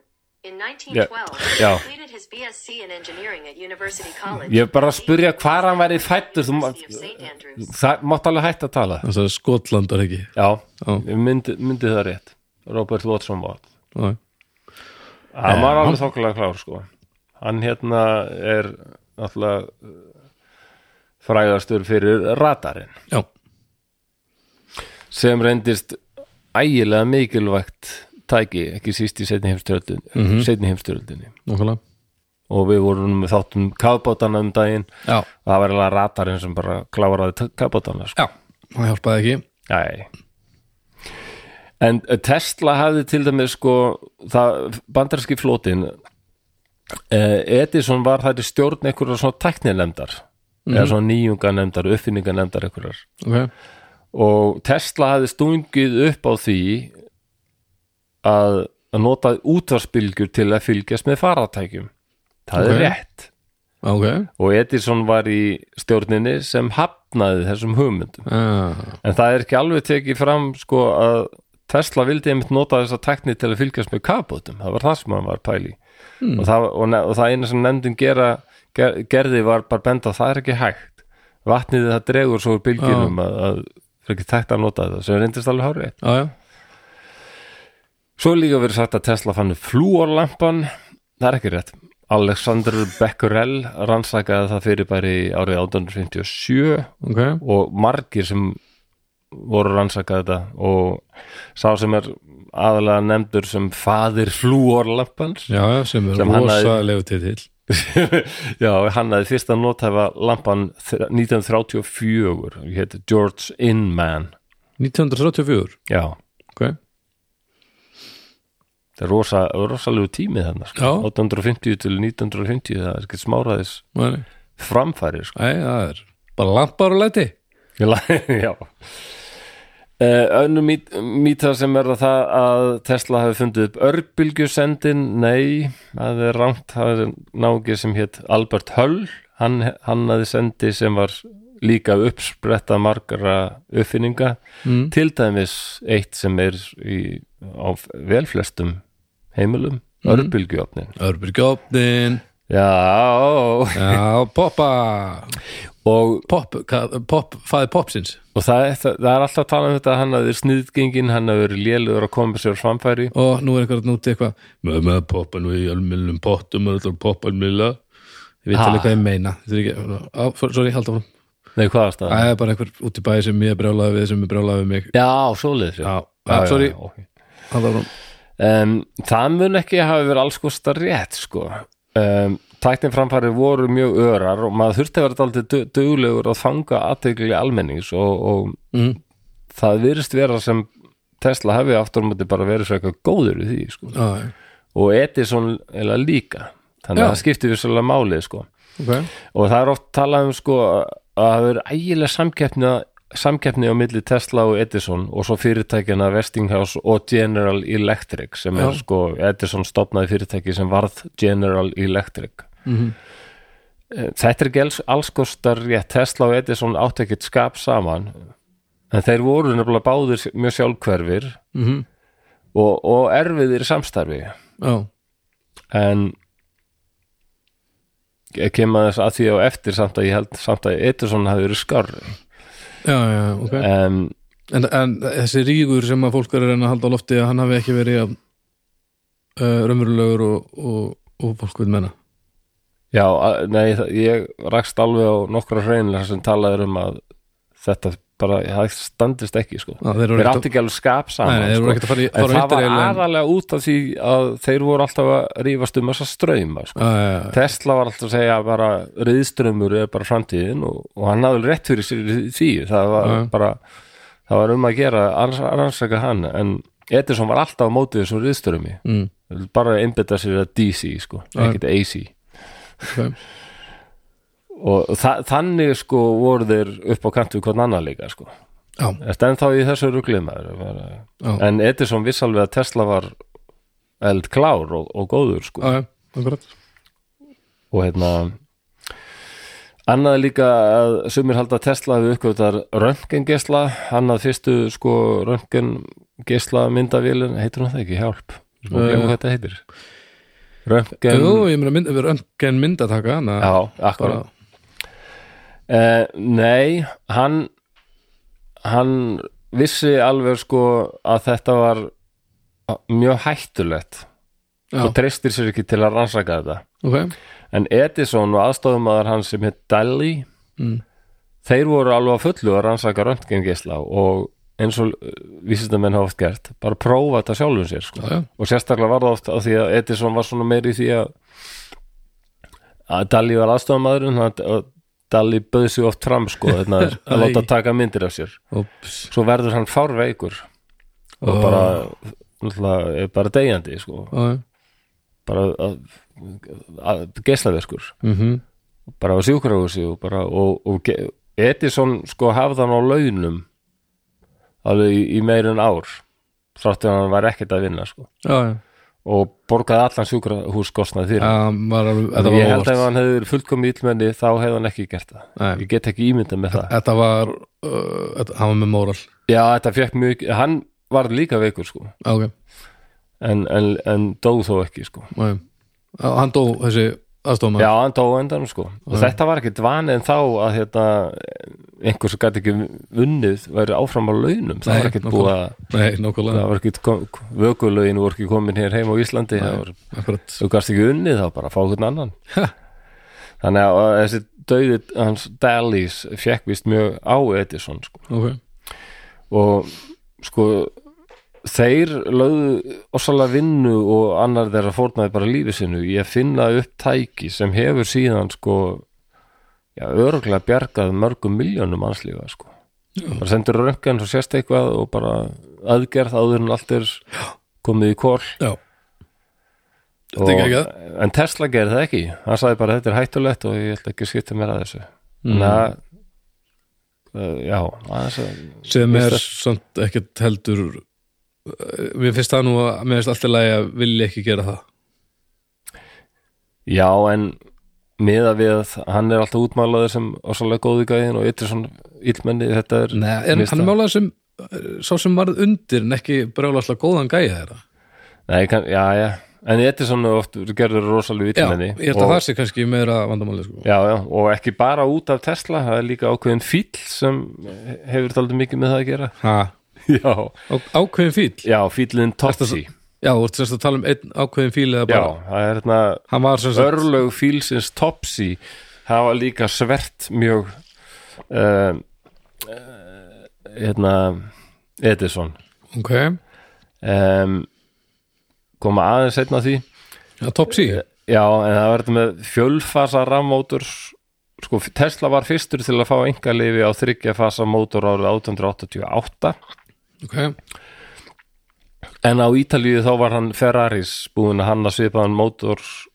nokkur mánum áður sko. ah en hann var ekkit í uppfinningu til að græða henni Þetta og í Evrópu voru ekki eins mikið svona áhersla á alltaf eitthvað engalifi og Nei, nei. svona þetta En voru þeir, þeir viss, vissu þeir af hvorum öðrum, Úst, vissi Tesla af því sem hann var að Já, gera og svo vissuður sko og það telja margir að, að, að Tesla hafi sko jætvel sko, já, já, Ferrari svo búin að skrifa og hérna og var ekkert að fela neitt sko Nei, ok. lét alla vita hvað hann var að rannsaka og, Open- og sumir telja open- að Tesla hafi sko með þess að komist yfir einhverjar einhverjar pappir eða honum og að þegar hann hafði svo svona ljó, ljósmynda myndavél að minni eitthvað hann hafði munað svo mikið að því ég, það er aldrei langsátt en sem svona, þeir sem he- harðast vilja ganga fram í því að berja niður, niður testlum ítuna Já, segja það að hann gæti hafa bara stólið hugmyndum frá Ferrari sko. mm.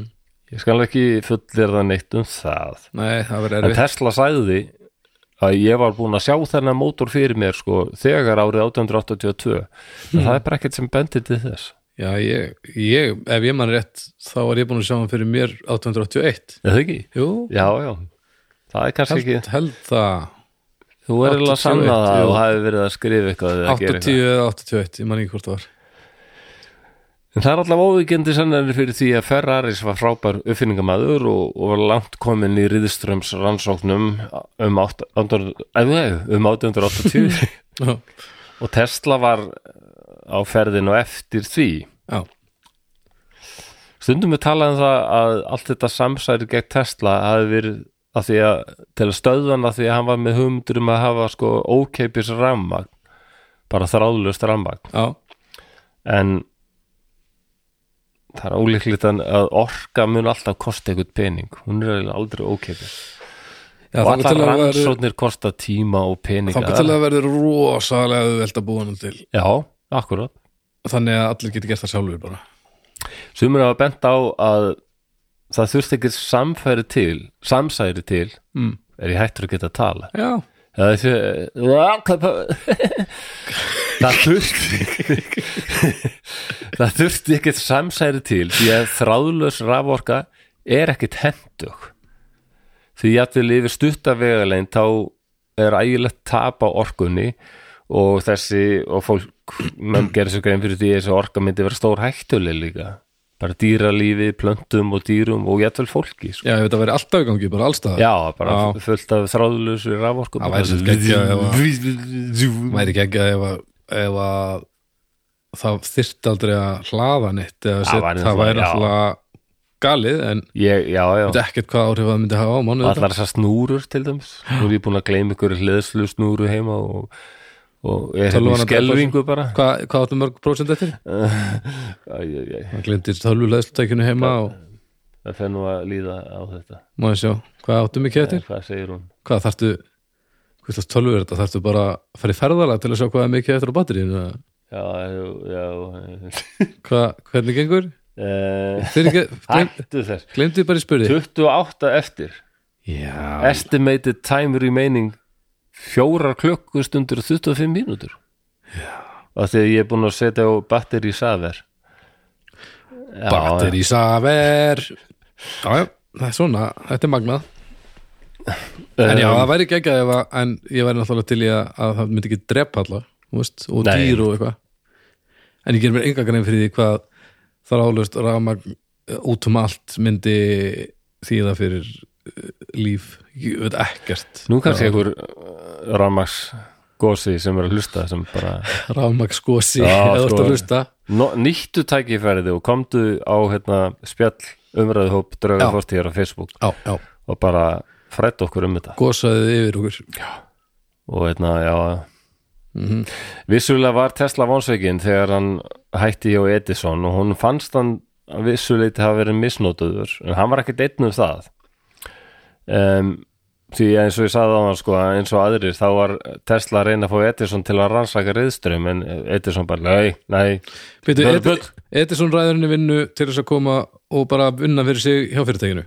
já, og bara svona við rannsáttur í ímsu sko, en hann hafði ekki Já, já. á, áhuga á þessu Og hann- reyðströmstómi hann reynir að koma að riðstrunum að Edison segir nei og endanum Já. þá hættir Tesla í fúsi Já, það var annar gaur sko sem hitt C.S. Bradley sem hann alltaf líka, hann var búin að tuða í Edison líka ok, og hætti líka og hann fann upp þryggjafasa spennubreyti árið 1887 það er allir í En- þryggja fasa hann en komum komu þá að Topsy sem var fættur á- á- 1875 og lést 1903 og það er hægt að sjá dauða hans bara á YouTube en ég var að samt við því hvað segirðu, hver?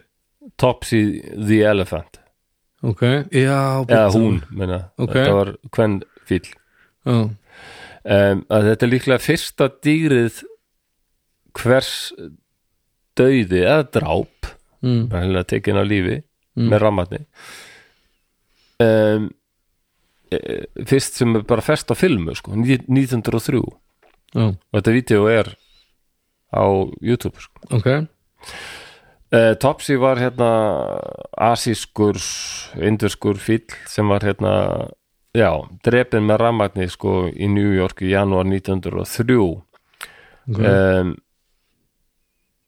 hún, var, hún var flutt til bandaríkjana og varð, þa- varð ásamt öðrum fílum starfsfíl í sirkus já, um, hún var alveg í 25 ár starfaði hjá þessu sirkus starfaði inn að gesa alveg já, akkurat en, en hún fekk um, orðspor hennar var ekki gott hún þótti svona einn versti fíllinn já, sem þýtti náttúrulega að henni fannst nefndi ekki að taka þátt í þessari vitleysu uh, nei, og svo en það náttúrulega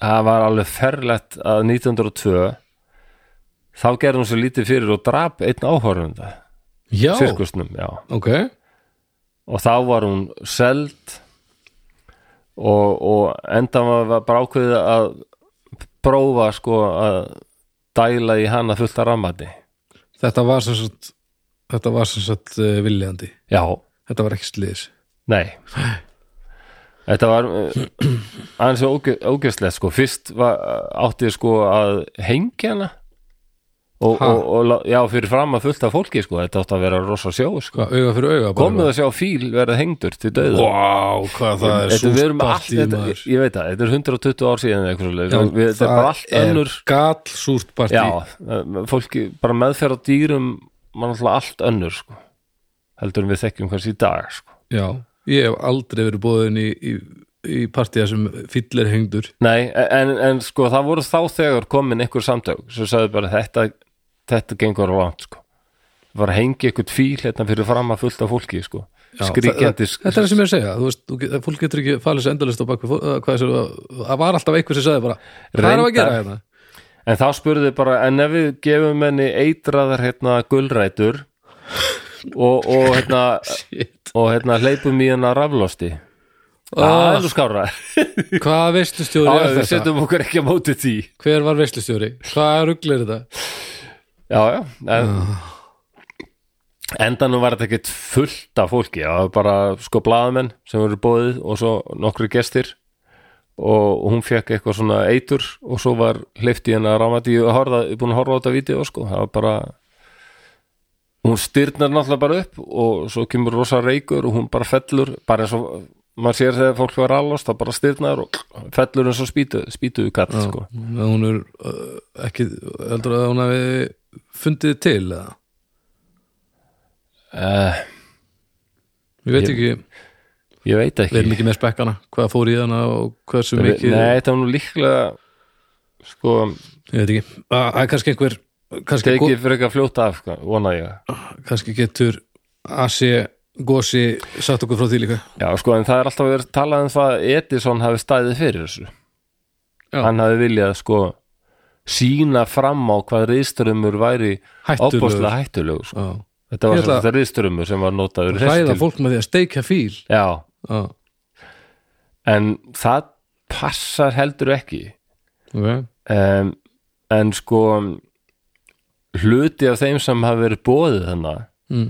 voru nokkrir frá sko frá hérna fyrirtæki sem hétt bara Edison Manufacturing Movie Company sem var svona byrjaði að gera kvikmyndir sko Já, sem tók auðvitað upp á filmu sko aha, og og svo var þessi mynd bara sínd í fóruð bara í húsin Já, það er sínd bara í bíó sem ég hef bara electrocuting an elephant rosa, sko. þetta er svo súrt oh, Ok, Já, og hérna og hvernig menna, Tom, Tom, Edison var ekkert á staðnum eins, sko.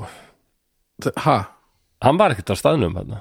þegar Það- að þetta- fíllinn var það var eitthvað fólk sem tengdist fyrirtæki sem hann, hans nafn tengdist Já, Já, eh, en það er ekkert sem betið til þess að þetta hafi verið sko eitthvað sýning til að sína fram á sko hvað Nei, nei, já, strömmur var hættulegur það- Ok. Nei, nei, nei ok, ok Um, en vissulega fylgdi Edison ekki alveg strömmnum Ég ertu búin að setja á þessu Mjög gott, alveg heilíki sko. þetta er gott af því að hann var alltaf fastur í gó, gamla góða jafnströmmnum sínum mm og svo endaði fyrirtækið samt sem hann stopnaði endaði á því að bóla honum út sko. Já, já, af því að hann var bara erfiður og leiðilegur já Gamall, og, gamall, eh, á töðandi sam- kall já, svona, já, hann var erfiður í samstarfi sko. ah. bara vildi alltaf, alltaf gerast eins og honum hann taldi best Langaði aldrei að gera neitt skemmtilegt Hann vildi ekki einu sem steikja fílinn ekki, það er ekki vitað hvað honum Nei, fannst nei, um já, þetta, ég sko. veit það, ég veit það Sorry, það er Ég setta ætlaði sem ekki- bara vat, Það var sögufölsun, ég ætlaði Já, hann ekki kommentin undir sko vídeoinu, Já, vídeoðu YouTube, það stendur sko hérna Edison Edison's Electrocution eða eitthvað sko já, já Já, og það er allir að kommenta undir sko ég- ekki vissi að Edison hefði verið svona ógjöfslegu mannur sko, mannur Já, en við, hann var ekki það er ekki eins og víst hann hefði vitað að þessu sko en, og hann stóð ekki fyrir þessu, er það vita? Nei, nei, nei, alls ekki Það stóð ekki fyrir þessu Nei, ok. og Westinghouse, hitt fyrirtækið Já. þeir losuðu sig við Tesla eiginlega út af því sama og ólíkt Edison þá hafði hann ekki komið fram með neitt sérstætt hann hafði gert þess að tveggja fasa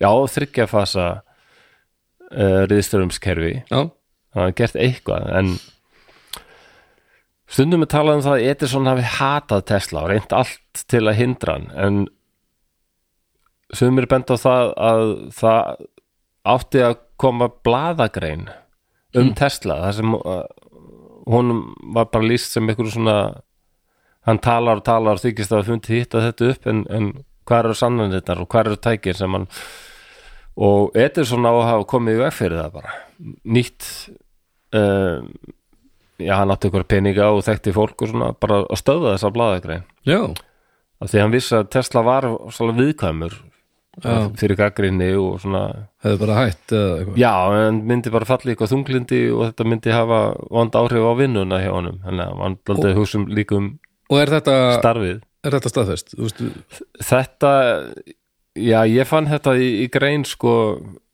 eftir mann sem, sem titlar sig sem eitthvað svona professor í, í rammarsverkfræði sko í bandaríkjunum ok sem var að skrifa um já, hann var að skrifa um The Myth of Tesla sko, vildi bara greinlega sko Og það er Veistu- einhvern veginn sannleikurinn hverfur svo mikið sko. já, já, en þetta geti bara verið annar sannleikur líka, þú veist, þú veist ekki hvaða prófessor þetta er nei, það var nafnið hans var nú hann einhverstaðar, ég glemdi að taka hann niður sko. Já, ok. En ég fann þetta reyndar á teimustuðum sko Ú, Það var annars sem sagði að Edison hefði sko hreinlega stundum kvartan og hann var náttúrulega í vinnu hjá honum hvað hann áfram Já, Ek- ekki og hann vissi, að, blessaður hann vissi að hann væri ofsalega klár Já, og hann var með rosa hugmyndir já, og hann bara vonaðist til að þessar hugmyndir hans myndu bera ávöxt já, sko. já, já. en það myndu bara allir græða á því Akkurat. og og annað með ef Edison var vondur og Tesla góður sko, þegar Edison hann tó- samþykti bara að vera í þessari nefnd á vegum hersins Mhm. ef aðeins er þið fókusur á tækni sem væri notuð til varnar ekki árása Já, og hann Ok. sagði sko setni árum sínu þá sagði hann það sem ég er stoltastur af er það að engin af uppfinningum mínum hefur verið notuð í sko þannig tilgangi að, að drepa og meiða og eðilegja en aftur á og svo móti kom ramastólin Já. en aftur á móti var það þarna, herðu það er nú einhver ákveðin áhengi sem er titlaður fyrir ramastólum Aha, já, hérna eitthvað, Robert Cheer uh, Hello Johnson Nei, ok Google Who uh, invented the electric chair? Dentist Alfred P. Southwick. According to some information I found on Library of Congress research guides, Það var tannlæknir sem fann upp rammastólinn Já, auðvitað og byrju Alfred Southwick til að hvað, drepa eða til að, Já, hann bara bendir á það 1881 Heyrðu, okkur notuðu þetta ekki sem aftugaði þér Hann er búin að vera svo- rosa gaman búin að vera með svo marga í stólu sem eru langar til að drepa allt í nú bara, herðu, Já. byrju Já, já, og tannlæknir Já, Það er kostulegt maður satistar um, Já og hérna en Tesla aftur á móti, hann reyndi svona setna meir eða setni hefsturildin að byrja þá reyndar sko hann, hann hafði samband við sko hermála yfirvöld margra ríkja og a- sko Þískalands, Bretlands, Bandaríkjana, Kanada Já, uh, Ítalíu og meira til og, og Sovjetríkjana sem síndu þessu mestan áhuga reyndar ok, En þann, hann sagðist vera búin að hann var í eila fullkomna sko rannsóttir sínar á dauðabilgjum svakalegum bylgjum sem var bara hægt að dreifi yfir ykkur sæði og það dreifi allt sem fyrir því yrði sko. já Eh, Tesla var alveg hress að búa til eitthvað svoleiðis Hann var alveg drull Sáðveðmenn fjallu fyrir þessu eh, en allir hinn sögðu bara að nei Nei, Er það? Já, af því að það er bara hann er það verður svo mikið blaður í honum sjálfum Já, og já. það vantaði eitthvað svona konkrétt sko, tekningar og dót sko. og bara menn svo bara "Eh, þetta er Hann langaði bara Ég sá þetta með fjallu fyrir þessu og borguðinu fullt af penning Nei, Jú, jú, það kom ekkert út úr því Nei, enga döðagildur nei, Nei, bylgjur, Nei. Döð, fullt af döðu gildurum Nei, en nei. engar döðu bylgjur þetta vittu sér meira í haustum og honum sjálfum heldur en tekniborðinu sko. uh, og Hann hefur það er bara verið þetta að hress. saga uppfinningana inniheldur svo mörg nöfn það var það sem þessir menn sem ég var að lesa greinarnar eftir og tala um sko að vera alltaf með einn og einn Mark Twain sagði sko að það er fullt að það er mörg hundru menn sem byrna rannsaka útarspilgjur mm -hmm. og svo á endanum er einn sem býr til gott tæki og fær patent Já, og fær krediti og hann er eina nafnið Já, já, algjörlega það er nokkuð til í þessu sko Já, já. Uh, um, það er alveg ljóst að Tesla var vissulega uppfinningumæður góður verkfræðingur á sviðir að Max og hann rannsaknir hans hjálpuðu til hann hafði alveg áhrif já, en það verðist vera stórlega ofmetið ég sé Já. ekki betur sko. og kannski er eitthvað að hlusta núna sem er alveg brjálaður og vill skrifa eitthvað til varnar Tesla það er velkomið, en eins og Musk, af hverju er hann svona mikill Tesla-kall? af því hann er halvviti Já, ok Skilji, hann, er hann ekki- sjáu sér daldið sko, Sem- sjálfan já, sig já. í að hann er bara hann er alltaf ekki hálfviti en hann er svolítið þarna, já Já, hann er bara hann verður á undan öllum öðrum og hann er miklu klárari og skilur allt miklu betur en öðru Já, já, já, já Akkurat. en mér er svo sem ekkert að því að já, já, Tesla er flott nafn sko. Tesla gegg, nei, gott nafn þetta Já. er náttúrulega þetta er geggjanafn, já, já, Tesla já. og þetta er ef maður samt tengir þetta svolítið við ég held að vera erfitt að kaupa bíl sem heitir Sjallenberger sjá- n- ha, nei, þetta grínast reyðjast Þetta á í gegnum Teslunni? Nei, ég er bara á Sjallenbergerinu reyðjast í gegnum skarðið á Sjallenbergnum það, ég held að það sé fínt maður Kanski, Já. en Sjallenberger Tesla, ætli Tesla verið jafn flott nafn ef maður, að því maður tengir alveg við Nikolai, sko Já, og, já, þetta er, og svona ég meina en hann var taldið svona flashy ég meina, hann var ve- vel klættur flottur með þetta flotta yfirskegg og svona gata auglist sér taldið sem svona Já, já. rammags galdrakallinn, já, sko já, þetta Tesla coil Já, er já. ekkert eðlilega grafist og Það er flott, ógeðslega flott, sko. já, mjög flott Já, gífulega töf það vantaði ekki upp á það hann var ekkit hann, vi- hann kunni alveg rammagt, sko já, já og hann, gata mitt, hann gata alveg gert eitthvað svona hann gæti alveg hlaðið, sko Já, hann gæti alveg búið sko, já, hann gæti hlaðið hann gæti hlaðið í mjög svona spennandi samkomi sko. Wow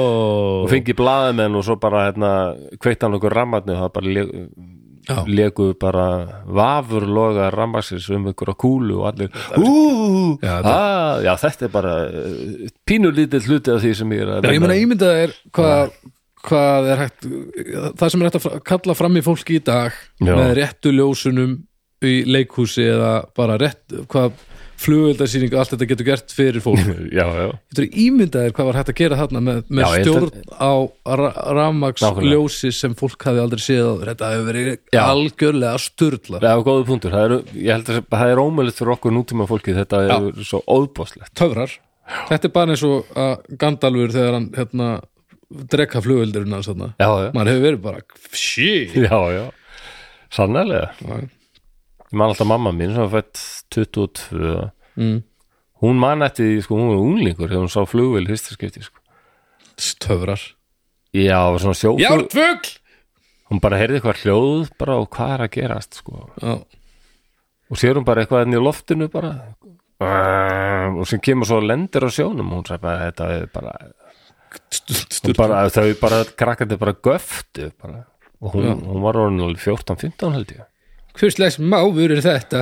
Já, Þetta hefur verið og fucked up. jafnvel þóttu vissu hvað flugvél eh, sko 1919 þá er fyrst sýning hérna á flugvél að kemur hérna bresku flugmaður okay. og, og, og flýgur í Vassmýrin það var Það er eiginlega vona. eða allir borgarbúa voru mættir til að sjá Já, já, er þetta grínast Ef að kemur flugbíl hérna núna já, Það var minna, miklu minna mál heldur að þegar maður hefur séð flugvél Ef það kemur flugbíl Djúvill var ég í Vassmýrinni já Ég nákvæmlega er lóðbeint í Vassmýrinni Í Auðvitað. mínus 15 eins og er í dag eða hvað þetta er já, alveg sama Bara kalinn bara upp að Já, já. mitti að sjá flugbílinn búið að finna fljúandi diskinn, hann mætti til Reykjavíkur klukkan 8 á morgun Vassmýrin, beint Já, í já. Vassmýrina auðvitað Já, það er mikilvægt átt að sjá því hvað þetta var þetta var óbúðslega spennandi tíma Já,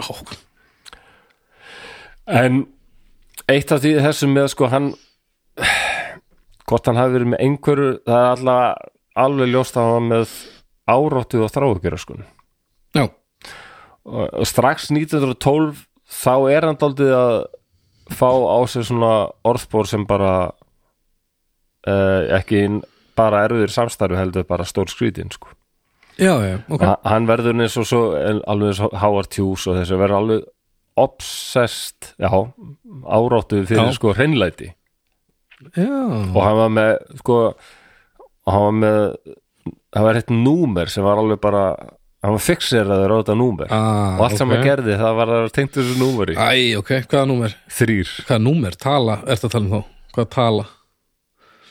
Já. já, til þess að hann, hann hérna sko, Þrýr já hann að hann uh, tók í hendina á fólki og hérna fór strax á þr- þóða sér hendurna Hmm. Ah, Já, já. sko og nota hendina einu sinni að taka hendi, í hendina á okkurum Já. svo þóðar báðar sko Já, já, en, Eh, en hann á- við svo sem lærið þá síðustu árum að, að þetta er ekki byggt á engu en oftast er þetta óþarfi Já, já.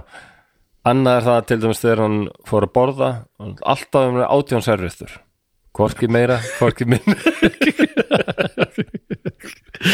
Já, og eins og svo en eins nota, og, nota þær allar eins og Alltaf, uppáldum já. mitt hann djóði Ramón sko þegar hún söngur í Ramones Mhm. Það er alltaf þegar að labba upp eða neðustiga alltaf að teljast Já. skrefin og hérna ég held að það var Didi Ramón eða eitthvað sko, eitthvað tímann voru þeir ykkur byggingu sem var alveg bara eitthvað sjö hæðir og yngi lifta og þeir voru efst uppi og voru komnir út í bíl og þeir segja á djóðir eitthvað skrítin og þeir fatt, nei hvað, eh, í alvöru þeir, ég, ég veit ekki hvort ég taldi rétt ég, ég verð að gera það, það bara varð hann að gera það hann Mm. varð að fara aftur og telja skrefin annars bara Já, leiðan vítis kvalir það er ekki gott sko nei, nei, og Tesla var svona líka Já. En notaði hann allar servítunar, veistu það? nei, ég veit það Af því það, ef hann var með ef hann notaði þær allar, alltaf já, þá er var þetta, það er skára þá er þetta miklu skara þá hitt er er þetta svo kannski- mikil sko. só þá var þetta kannski bara eitthvað plan sko. já, það er leiðilt eða sóun sko. en ef hann, þú veist, heimtar alltaf átjón og notar tvær já, þá þannig alltaf að eiga tal, samtalið við hann sko. já, það er Tesla, Tesla, ekki það svona er servéttu bröðul Tesla, svona gerum við ekki um, og hann fór að segja að hann hefði sko, hann væri næmar en aðrir fyrir hljóðum og, Ok. og, og, og sjón hans væri betri heldur en flestar annar þess að það var hann líka næmur sko fyrir öllu ljósi og svona í augunum svona Já, og setna skrifaði hann að hann þoldi ekki sko eyrnalokka í konum það fór rosalítið þetta ránum já, og bara ef hann sá perlu þá bara var hann líklegur til að bara bara fá krampakast hann var að verða stórskrítin sko. þá krampakast já og hann Útskýrðu það ro- ekkert og- nánar? hann alltaf verður alveg opbáslega undarlegu, hvað sér þau? Útskynna það ekki nánar Nei, hann- hann sagði bara þetta bara því ég sé perlu, þá bara leikur við ég sé að fá flók, sko, eða líðið mig að krampa, Já, já, ok að fit já, hitt á ennsku, já, já, já Þetta sko. er bara, bara svona eins, perlur svo ógislegar þetta er bara eins og og það er perl, perlur og eyrnalokkar Já, já, ok en já. svo er ákveðið dýr, sérstaklega eitt ákveðin fugl sem hann var alveg bara heitlaður af og hann varð eiginlega alltaf að vera hann eitthi öllum deginum eins nálega þessum fugl og hann gat og það voru dúfur Mhm. en hann var eiginlega alltaf bara í garðinum að gefa dúfum og bara þær voru alltaf í kringum hann þar leið hún best og sérstaklega var sko hann, sa- hann varð ástfangin af dúfu sem er kven, hvít kvenkins dúfa sko. Já, og hann sagði að, að hún hafði sko einu sinni hann gisti og var á hóteli bjóð á hóteli og einu sinni kom hún fljúvandinum opin gluggan mm. og hann trúði því að fuglum var að koma að segja hann að vera að deyja og hann sagði sko að það hefði komið svona tveir svona geislar úr augum dúfunar óbóðslega kraftmikið ljós miklu kraftmera ljós en ég hefur sjálfur nokkuð tíman tekist að framkalla í lömpunum í, á tilurinn stofunum mínum Mm. og svo kom dúfan og dó í örmum hans Já og hann sagði að þegar, ég átta, þegar þetta gerist þá átti hann sig á því að að tilveru hans tilveru ástæðu myndi ég segja mm. já, tilveru, ástæðu til, tilveru hans á þessari plántu var lokið Og tilgangi lífsins lokið já, að þegar leysir dúan dó já, Já, já en hann, hann tók sem sagt alveg tölvan, nei hann, hann bjó í tölvan tíma alveg upp á þrö- 33. hæð, hæð í, á hótelinu sem hétt bara New Yorker Hotel ok en hann var ekki alveg glemdur þótt hann verið orðin svona stórskrítin sko um, hann var á framan á Time Magazine Ok, árið 1931 sko og það var verið að tala um uppfinningar hans og, og uppfinningar sem hann hefði unnið að ok á að það var 75 ára mm og New York Times eitti tölvöru púðri í að segja frá því sko hérna að- að þegar hann var að vinna þessum dauðageisla sínum sko Já, já, sem átti að og í blaðinu var sagt sko að Tesla væri að finna upp geisla sem ef það kemur sko 10.000 óvinnaflugular þá mm. þyrfti bara að beina þessum geisla að þeim og þær myndi alltaf hrinja bara hrinja til jarðar dauða gistli Já Þetta er Já, ok En Sovjetmenn fjallu fyrir döðagisla Já, já, já, já. og borguðum með 25.000 dollara sko.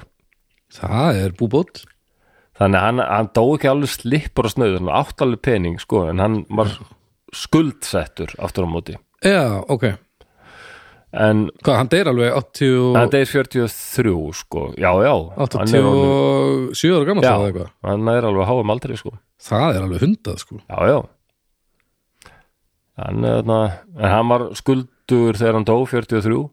þrátt fyrir það að hann borgaði ekkert fyrir herbergi og, og mat á hótelinu í, í mörg, mörg, mörg ár það var þarna, Westinghouse fyrirtækið og þarna, hvað var hann George Westinghouse sko, já, svona eila vinur hans sem bara sá um það í nú, já, ok, og var það bara þannig að Var hann þetta með að hann hafi verið- fjárhundspil eða eitthvað Ha? var hann í fjárhundspilum eða eitthvað Hvað- Tesla? af hverju skuldaði hann Ég, það, er- nei, það fer enga sögur á því og ekki neginn óregla beint sko dúpna fóðrið bara Ég held það ekki Hann, ég, ég, var ekki, ég held að hann hef ekki verið alveg sko óbóðslega skuldsettur en, en Nei, nei. hann væri skuld allavega sko já, ok, en það er vist orðum aukið að hann hafi verið bara alveg alveg slipur og snöður og Já, eng, já. engu, öllum samum mann það passar ekki alveg sko ok, þannig að þetta er, það er eins og mér sýnist þetta að vera bara alveg rosalega mýta þetta er alveg merkilega náðungi já, já, já, já, en það eru bara svo opbóðslega margir já eða mörg, mér að þau voru náttúrulega konur líka sem koma það er það reyndar ekki mikið þarna fyrst sko, en það er fara að koma meira inn í þetta svona já, svona þegar líður að seinni heimstöldinni Já, upp og, undir hana. og sérstaklega eftir hana já, á loksins fá konur leifi til að að hætta að þykjast Já. vit ekki neitt já, en með þarna 1903 þrjú, þegar þeir voru að að drepa fíl hérna með, með rammarni já, þá gerist það einmitt að kona vinnur Nóbelsvelunin og svo nokkurum árum setna endur tekur hún það já, fyrsta manneskjan sem Já. vinnur Nóbelsverlun tvísvar Já. Mhm. er kona það var ekki nóg til þess að samfæra hún bjóði í Fraklandi, pældi því já, 1911 þá fær hún Nóbelsverlunin í ennað skipti en hvenar fengu konur kostningarétti í Fraklandi? 1944 nákvæmlega Eh, þetta er bara oh. Já, þetta er einu undantekningi sem sanna regluna Það Já, var frækast en- sagt Hálfvitar æ, ég veit. Nei Oh. Já, já. já. Já, þetta er, já, en þetta er fullt af fólki sko. já. en hann hefur einhvern veginn bara, eh, hann, hann fangar daldið fólk, sko. ég held að hann hafi gert það líka alveg á sínum tíma já, það eru margir til- sem eru til í að taka slægin fyrir hann sko og, Já, og já, ég veit ekki hvort það hafi verið hann að fíla fíla fíaskóið sem að hefur skemmt svona mikið fyrir Edison eða, eða bara jú, eh, hafið greinlega haft rosalega orðið, sko. ekki síst enn þann dag í dag sko. Já. og já, Þetta er áhugavert Og voru þeir, ekki, þeir voru þá aldrei í einhver almennilegir fílu nema bara að einn vildi skoða reið og hinn vildi ekki reið og, já, og það var svona kannski aðalvesinni já og, báðir svona og skrýtnir, dálítið skrattin hitt að ömmu já, sína og, báðir skrýtnir kallar sem En gátu þetta er svona unnið virðist saman. að vera kann- mjög svona praktískur daldið og vissi bara að Tesla væri ósalega vel gefin og En hvað átti Edison að hafa stólið af Tesla? um, Uppfinningar, veistu það?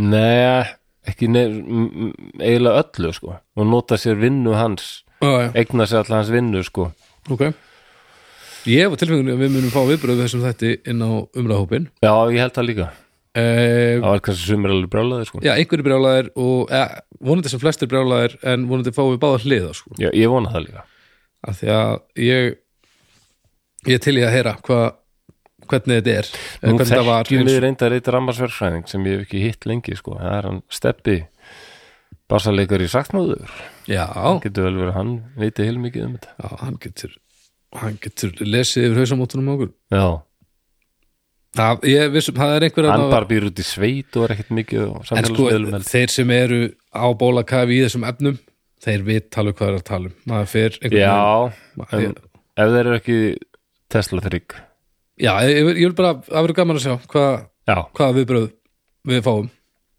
yes. það var líka gaman að fá leiðréttingu á öllu því sem við sögðum vittlust um, um svona þessi fræði er það ekki? Jú, ég, ég skal alveg viðkynna það ég, Já, já Ég vona að fólk hafi nú samt að gaman að þessu og það er bara jákvætt að við getum vakið upp einhverjar Já, algjörlega umræður og jú, b- já, það verður bara gaman að sjá hvað, hvað fólk hefur um þetta að segja því að Já. þetta er greinilega uh, skiptir fólki í hópa og, og uh, já spennandi, spennandi tímar framöndan Eða ekki? þeir eru bara góð við hvort annað Já, það er mikilvægt spennandi já. Er það, er það pun intended? eða? Mm, nei, Nei. þetta var óvart en uh, já. ég, ég, ég, ég, tek, ég tek við þessu takk Já, herðu þið, þú segir það útbúin að Já, já, já, þetta er skemmtilegt er það? þetta var það Já, Já, við byrjum við byrjum nýtt ár hérna með, með þrömu úr heiðskýru lofti já, um, þar sem þetta er opinn þáttur hérna já þá ætlum við að sjálfsögðu að þakka indislegu uh, draugahörðin okkar á, á uh, Patreon við ætlum núna að, að fara yfir nýja uh, dejákna og, og flosa þorgjarsbóla Wow, það er það sem við ætlum að gera, þú ert að segja aftur og bak já það er þessi já. hvað ertu að gera hans? Það er einhver- Ég var að leita þessari mynd af honum Þú voru að tala í hátalaðan samt Ég- ég- sem var bara ekki fundin upp af Æ, eh, æ, æ, Tesla, um mitt Mynd, mynd, mynd, mynd, hello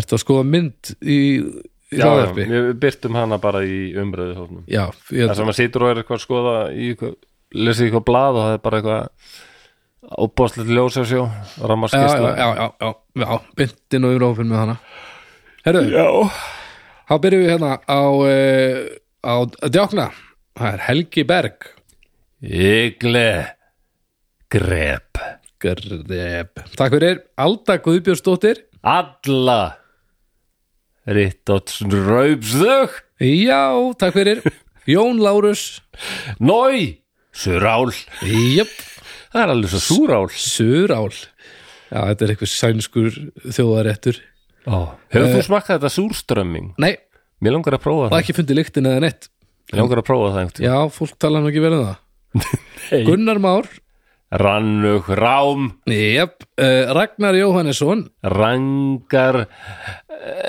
Norsenna Hói Já, það er rétt og hann er flósið Þorgeirsbúli Vá! wow. Elsku drengur Já, elsku drengur við sjáumst nú rúglega fljótlega við þekki ég rétt uh, Svo er það Bára Alexandersdóttir Aráp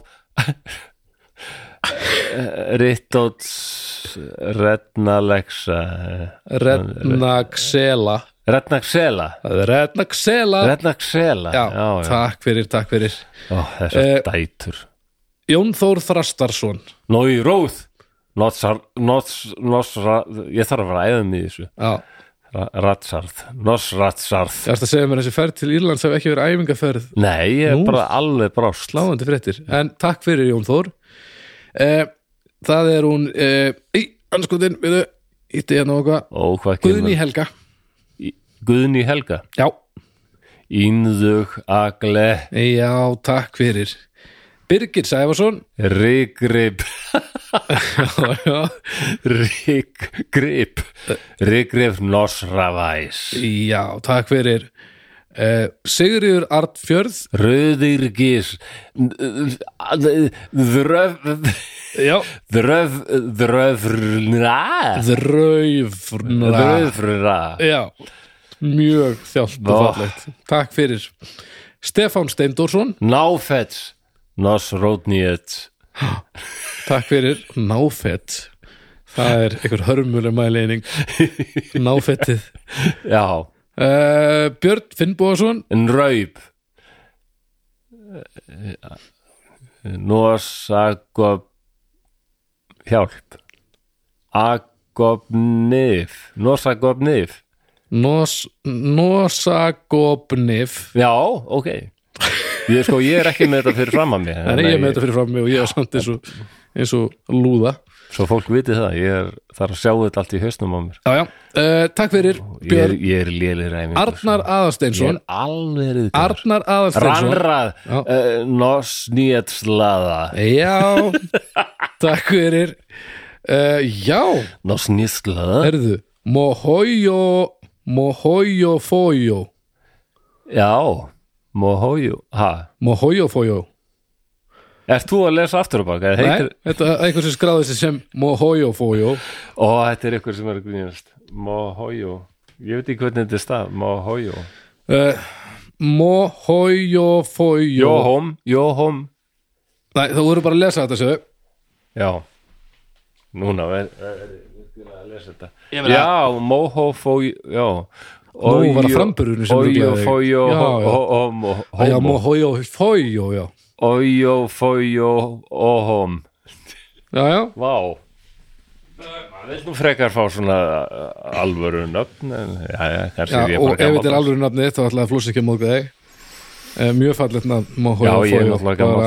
eh, Takk fyrir okkur Ég vil að allir heiti hrollaugur Lilja Kristinsdóttir Ælil Nosratsinirk Ranitsirk Nei, nei, nei, Rittot Ranitsirk Kristinsdóttir Ó, Rittot Snitsirk Já, takk fyrir uh, Sverrir Unstensson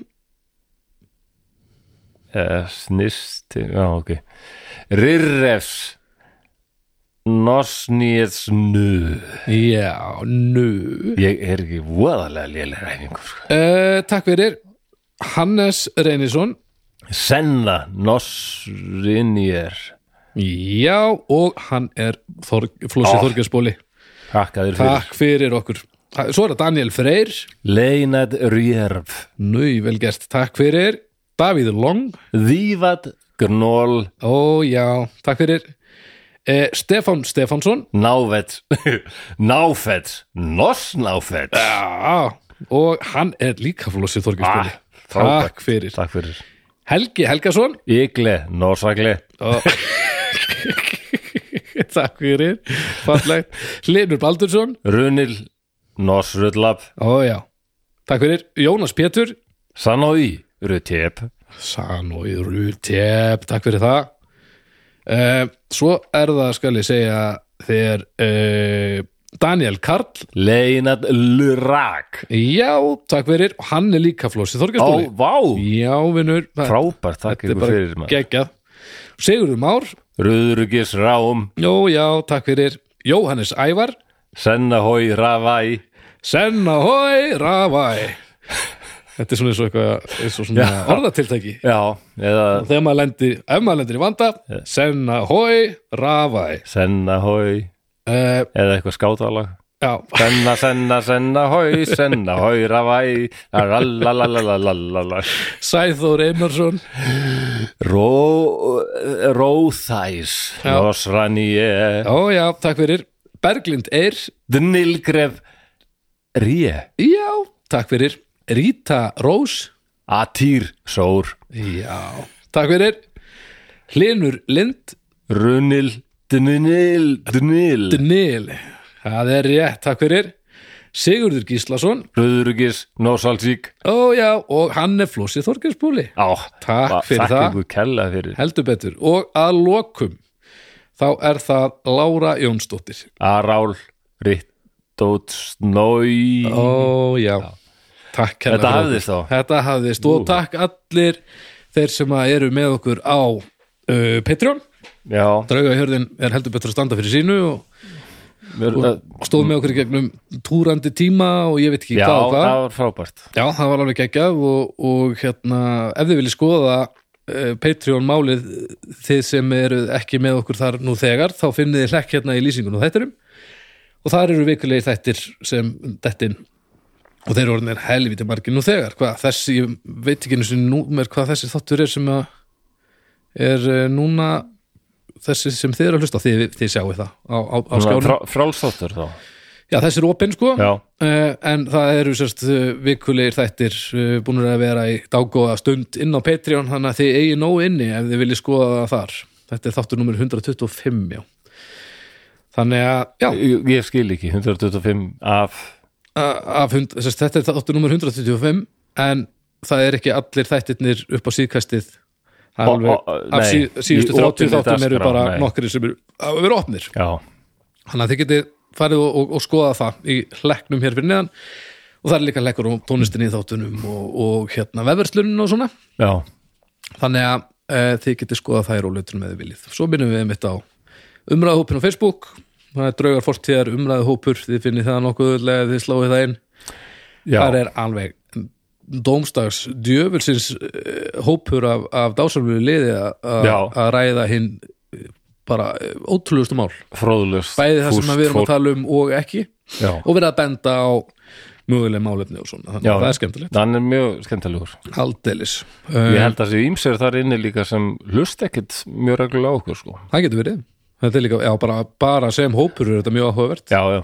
ég held að fólk sem gerir Já. e, e, sé nú að missa af daldið að vera ekki að hlusta Já. þetta er náttúrulega stórbrotin menninga viðbyrðu sem að hér, sér hér staði í hverja einustu viku flossi Já, já, ég, þetta, er, þetta er ótrúlegt í rauninni ég hætti ekki fyrir en að við erum orðnir þjóðargersemi já ok, já. ég verð örgulega hættur aðeins áður Já, það er já, þjóðargerðsemi, það er ekki alveg það er þokkalega skuldbytting sko Jó, það má vera sko er það ekki, Ég held að þetta hljóti bara enda bara í Hvenær er maður orðinn- fálkaorðinu, ég sé Hvenær- það fyrir mér fólkaorðinni Ég kannski setti 25 ára eða 25 ár, shit Já, hvað ertu gamall, það- hvað ertu gamall Nú þegar þú segir það, það er kannski þetta aldrei mikil skuldvinding hvað ertu gamall, aftur Herðu, ég það er bara stutt í það að ég verði 55 ára Já, ætlar þú bara að vera eitthvað Trúir áttræður bara "Uh, Hvað er fólkvarðan mín? Hvað er fólkvarðan mín? Hvað er fólkvarðan mín? Og hún svona þessi Það var komið að því að særa fram Það verður glafmenni dreigið sko ég, ég, ég er já, já, ef, ef hausinn er þokkalið lagi þá bara Æ. Já, eins og ég segi, Það bara- spennandi tíma fram, framöndan ha. já, já, ég get ekki beðið til því að vera svona 100 ára í viðtölum já, já, já til að vera þá eins og þessi 90 ára gamli sem að spurði finnst þér gaman? Nei Nei, Það Þú ert eftir að vera- einhver frettatíma já, hefur þér þótt gaman í dag? Nei gott, gott já.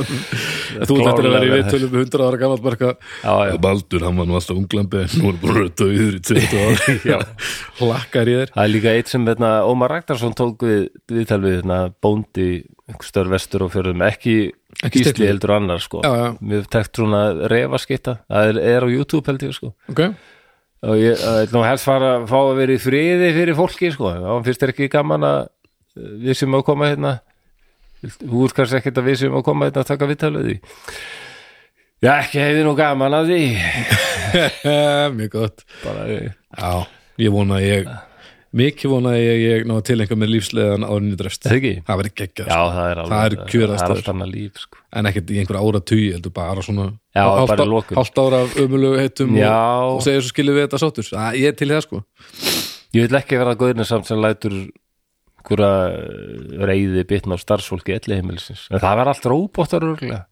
En þannig maður ekki, þegar maður er skráður inn á elleimil þá þarf maður að skrifa undir samning held ég að vera leiðilur Já, jú, það Ég held að þetta þannig. séu inntöku skilir sko. Já, já, já. Það er kannski hægt að fara á Ég held að, eldri manna námskeið ég til að held læra að, töð. að vist heimili þurfum að breyta um stefnu Já, já. frekar en að, að því að ég held að þetta sé krafa sem ég gerði á vistmenn sko. Þannig að Óskar Jónasson, nei, Óskar Ólafsson töð, töðfræðingur heldur námskeið fyrir gamal með. Já, hvernig skal tuða Já. á efri árum eh, Já, eitthvað tu- tuð eftir áttrætt Eitthvað svo. svona. já. Herru, þetta gengur Við Er heyrjum tuð bara til? eftir, eftir viku inn á Patreon en uh, þið hinn sem uh, eruð að hlusta á þetta í opinni dagskrá þá heyrstu bara aftur eftir mánuð Já. Eh, uh, Gleðilegt í dár, hafa þessum allra best þangur til næst og bye bye bless